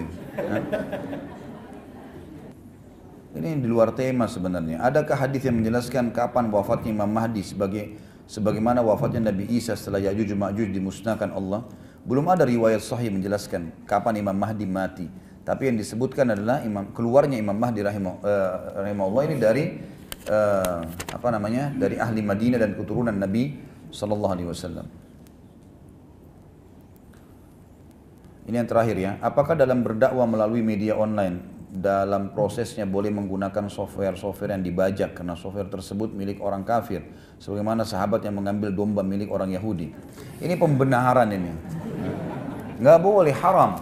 Nggak boleh membajak teman-teman sekalian. Jangan membajak. Bajak itu haram. Dan ini tidak boleh dibiasakan. Ini sebuah tradisi yang harus dihilangkan. Setiap kita ingin melakukan satu perbuatan teman-teman kembalikan kepada diri kita. Kita mau nggak dilakukan? Kita punya produk lalu dibajak, mau nggak? Tentu kita nggak mau. Maka jangan lakukan pada orang lain, nggak boleh. Gitu. Baik tidak mampu, tunggu sabar. Kenapa harus paksakan? Atau mungkin cari memang yang gratisan yang mungkin memang ditawarkan oleh perusahaan-perusahaan tersebut dan kita lihat sekarang banyak di di media-media internet ditawarkan seperti itu. Gitu. Nanti kalau mau mengupgrade baru kemudian mengeluarkan biaya. Sebatas itu ya sebatas itu kita mampunya. Atau kita menggunakan jasa-jasa yang mungkin sudah memiliki software yang asli ini tidak boleh, bukan karena orang kafir ya. Kasus Nabi SAW tadi membolehkan Abu Dabs radhiyallahu anhu mengambil domba itu karena keadaannya di kancah peperangan dan juga lagi ya lagi dalam kondisi pasukan lapar ya, beda gitu kan jangan disamakan ini kalau antum tadi mengatakan oh kalau gitu kita bajak saya software kan punya orang kafir berarti sama saja juga kita bilang tetangga saya kafir boleh kita curi mobilnya boleh ambil bajunya Haram semua, nggak boleh ini. Ya. Kata Nabi SAW, Man adha dhimmiyan kuntu lahu khasiman yawmal qiyamah. Siapa yang menyakiti dhimmi, orang kafir yang di bawah naungan pemerintah Islam, atau tinggal satu negara sama kita, eh, atau tidak buat masalah, ini nggak boleh kita ganggu. Maka kata Nabi SAW, siapa yang mengangkit, mengangkit, mengaku, uh, menyakiti dhimmi, orang kafir di bawah naungan pemerintah Islam, ya, atau ada kesepakatan damai, namanya mu'ahad, maka dia uh, akan menjadi musuhku pada hari kiamat. Riwayatnya dikatakan dia tidak akan mencium bau surga. Dan bau surga ini tercium dari jarak sekian dan sekian. Gitu kan. Jadi memang tidak boleh teman-teman sekalian. Jangan hindari semua ini. Baik muslim atau orang kafir, tidak boleh sama sekali kita sakiti. Kita nggak boleh gibah orang muslim, nggak boleh gibah juga orang kafir. Gitu kan. Kita nggak boleh sakitin orang muslim, tidak boleh sakiti orang kafir. Hukum-hukum Allah berlaku. Yang boleh kita lakukan adalah kalau terjadi memang hukum-hukum Allah yang lain. Seperti misalnya di kancah peperangan. Lagi bertemu di kancah peperangan. Memang Allah suruh kita memerangi mereka. Di saat itu kita boleh membunuh. Tapi tetangga, orang teman, karena kita tetap bakti sama ibu dan ayah kita yang orang kafir. Tetap silaturahim dengan keluarga kita yang kafir. Gitu kan? Tetap kita boleh berpartner bisnis, boleh bertetangga, boleh berteman, tidak ada larangan. Gitu kan? Tidak ada larangan. Nabi SAW punya hubungan persahabatan dengan beberapa pendeta Yahudi di Madinah. Ya, sebelum mereka diusir keluar, gitu kan. Bahkan Nabi SAW pernah berhutang kurma dari salah satu pendeta Yahudi, gitu kan, yang memberikan jaminan baju perang beliau SAW. Jadi tidak boleh di, di, di, disamaratakan semua, dilihat hukum syar'i, uh, dilihat uh, semua semua masalah dihadapkan dengan hukum syar'i sehingga tepat pada tempatnya. Allahu a'lam. Mungkin begitu. Lihat waktu sudah cukup teman-teman sekalian. Alhamdulillah dua jam lebih, masya Allah ini. Ya. Kita berdoa kepada Allah Subhanahu wa taala semoga apa yang sudah kita amalkan selama ini dari perbuatan-perbuatan dan perintah sang pencipta diterima olehnya dan juga semoga semua dosa yang pernah kita lakukan sekecil sampai sebesar apa pun dimaafkan dan diganti dengan kemahamurahannya menjadi pahala dan semoga saja semua sisa umur kita ke depan diberkahi olehnya di, diberkahi di harta, di keluarga, di pasangan, di ilmu dan juga puncaknya kita masuk dalam surga tanpa hisab. Dan kita selalu mendoakan saudara kita di Palestina, di Syria, di Yaman, di Irak, di Myanmar, di Ahsa, di mana pun mereka berada sedang tertindas. Semoga Allah ikhlaskan niat mereka, terima para syuhada mereka, muliakan Islam di tangan mereka dan tangan kita semua dan semoga Allah partisipasikan kita bersama mereka di pahala, baik dengan doa dan harta juga dengan jiwa kita. Dan semoga Allah dengan kemahamurannya menyatukan kita semua di surga firdausnya tanpa hisab, mana satukan kita di majlis ilmu yang mulia.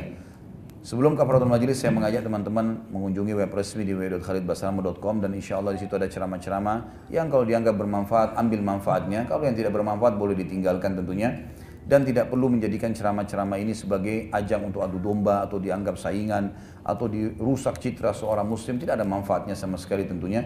Jadi kalau ada yang salah tinggalkan atau nasihatin. Kalau ada yang bermanfaat bisa diambil. Silakan di-share, dibagi, tolong tapi jangan dikomersialkan. Ini karena banyak teman-teman juga akhirnya mengomersialkan masalah ini yang kami sudah ingatkan. Silakan disebar tapi jangan dikomersialkan gitu kan. Masalah ada teman-teman tim nanti yang akan membuka di YouTube. Teman-teman tim kami yang memang membuka YouTube untuk dikomersialkan itu karena kebutuhan dakwah yang membutuhkan kamera, yang membutuhkan segala dan itu hak kami karena memang ini ceramah disorting dan ada tim yang mengurusnya gitu. Tapi kalau teman-teman yang sengaja untuk men-share-nya, saya sarankan untuk tidak ada hubungannya dengan masalah ini dan harap mengerti tentunya bahwasanya eh, apa namanya ini tidak dikomersialkan dan silahkan disebar kalau untuk mencari pahala. Insya Allah akan banyak sekali manfaatnya buat kita amal jariah. Jadi kita bisa saling berbagi dan juga antum bisa memangkas waktu uh, untuk menyusun lagi materi, untuk menyebar, untuk rekaman lagi. Ini sudah ada Alhamdulillah tinggal disebarkan. Kita saling bertawun atau kerjasama yang baik dalam ketaatan kepada Allah Subhanahu wa taala. Allahu alam. Subhanakallahumma wa bihamdika asyhadu an la ilaha illallah astaghfirullah wa atubu ilaik. Wassalamualaikum warahmatullahi wabarakatuh.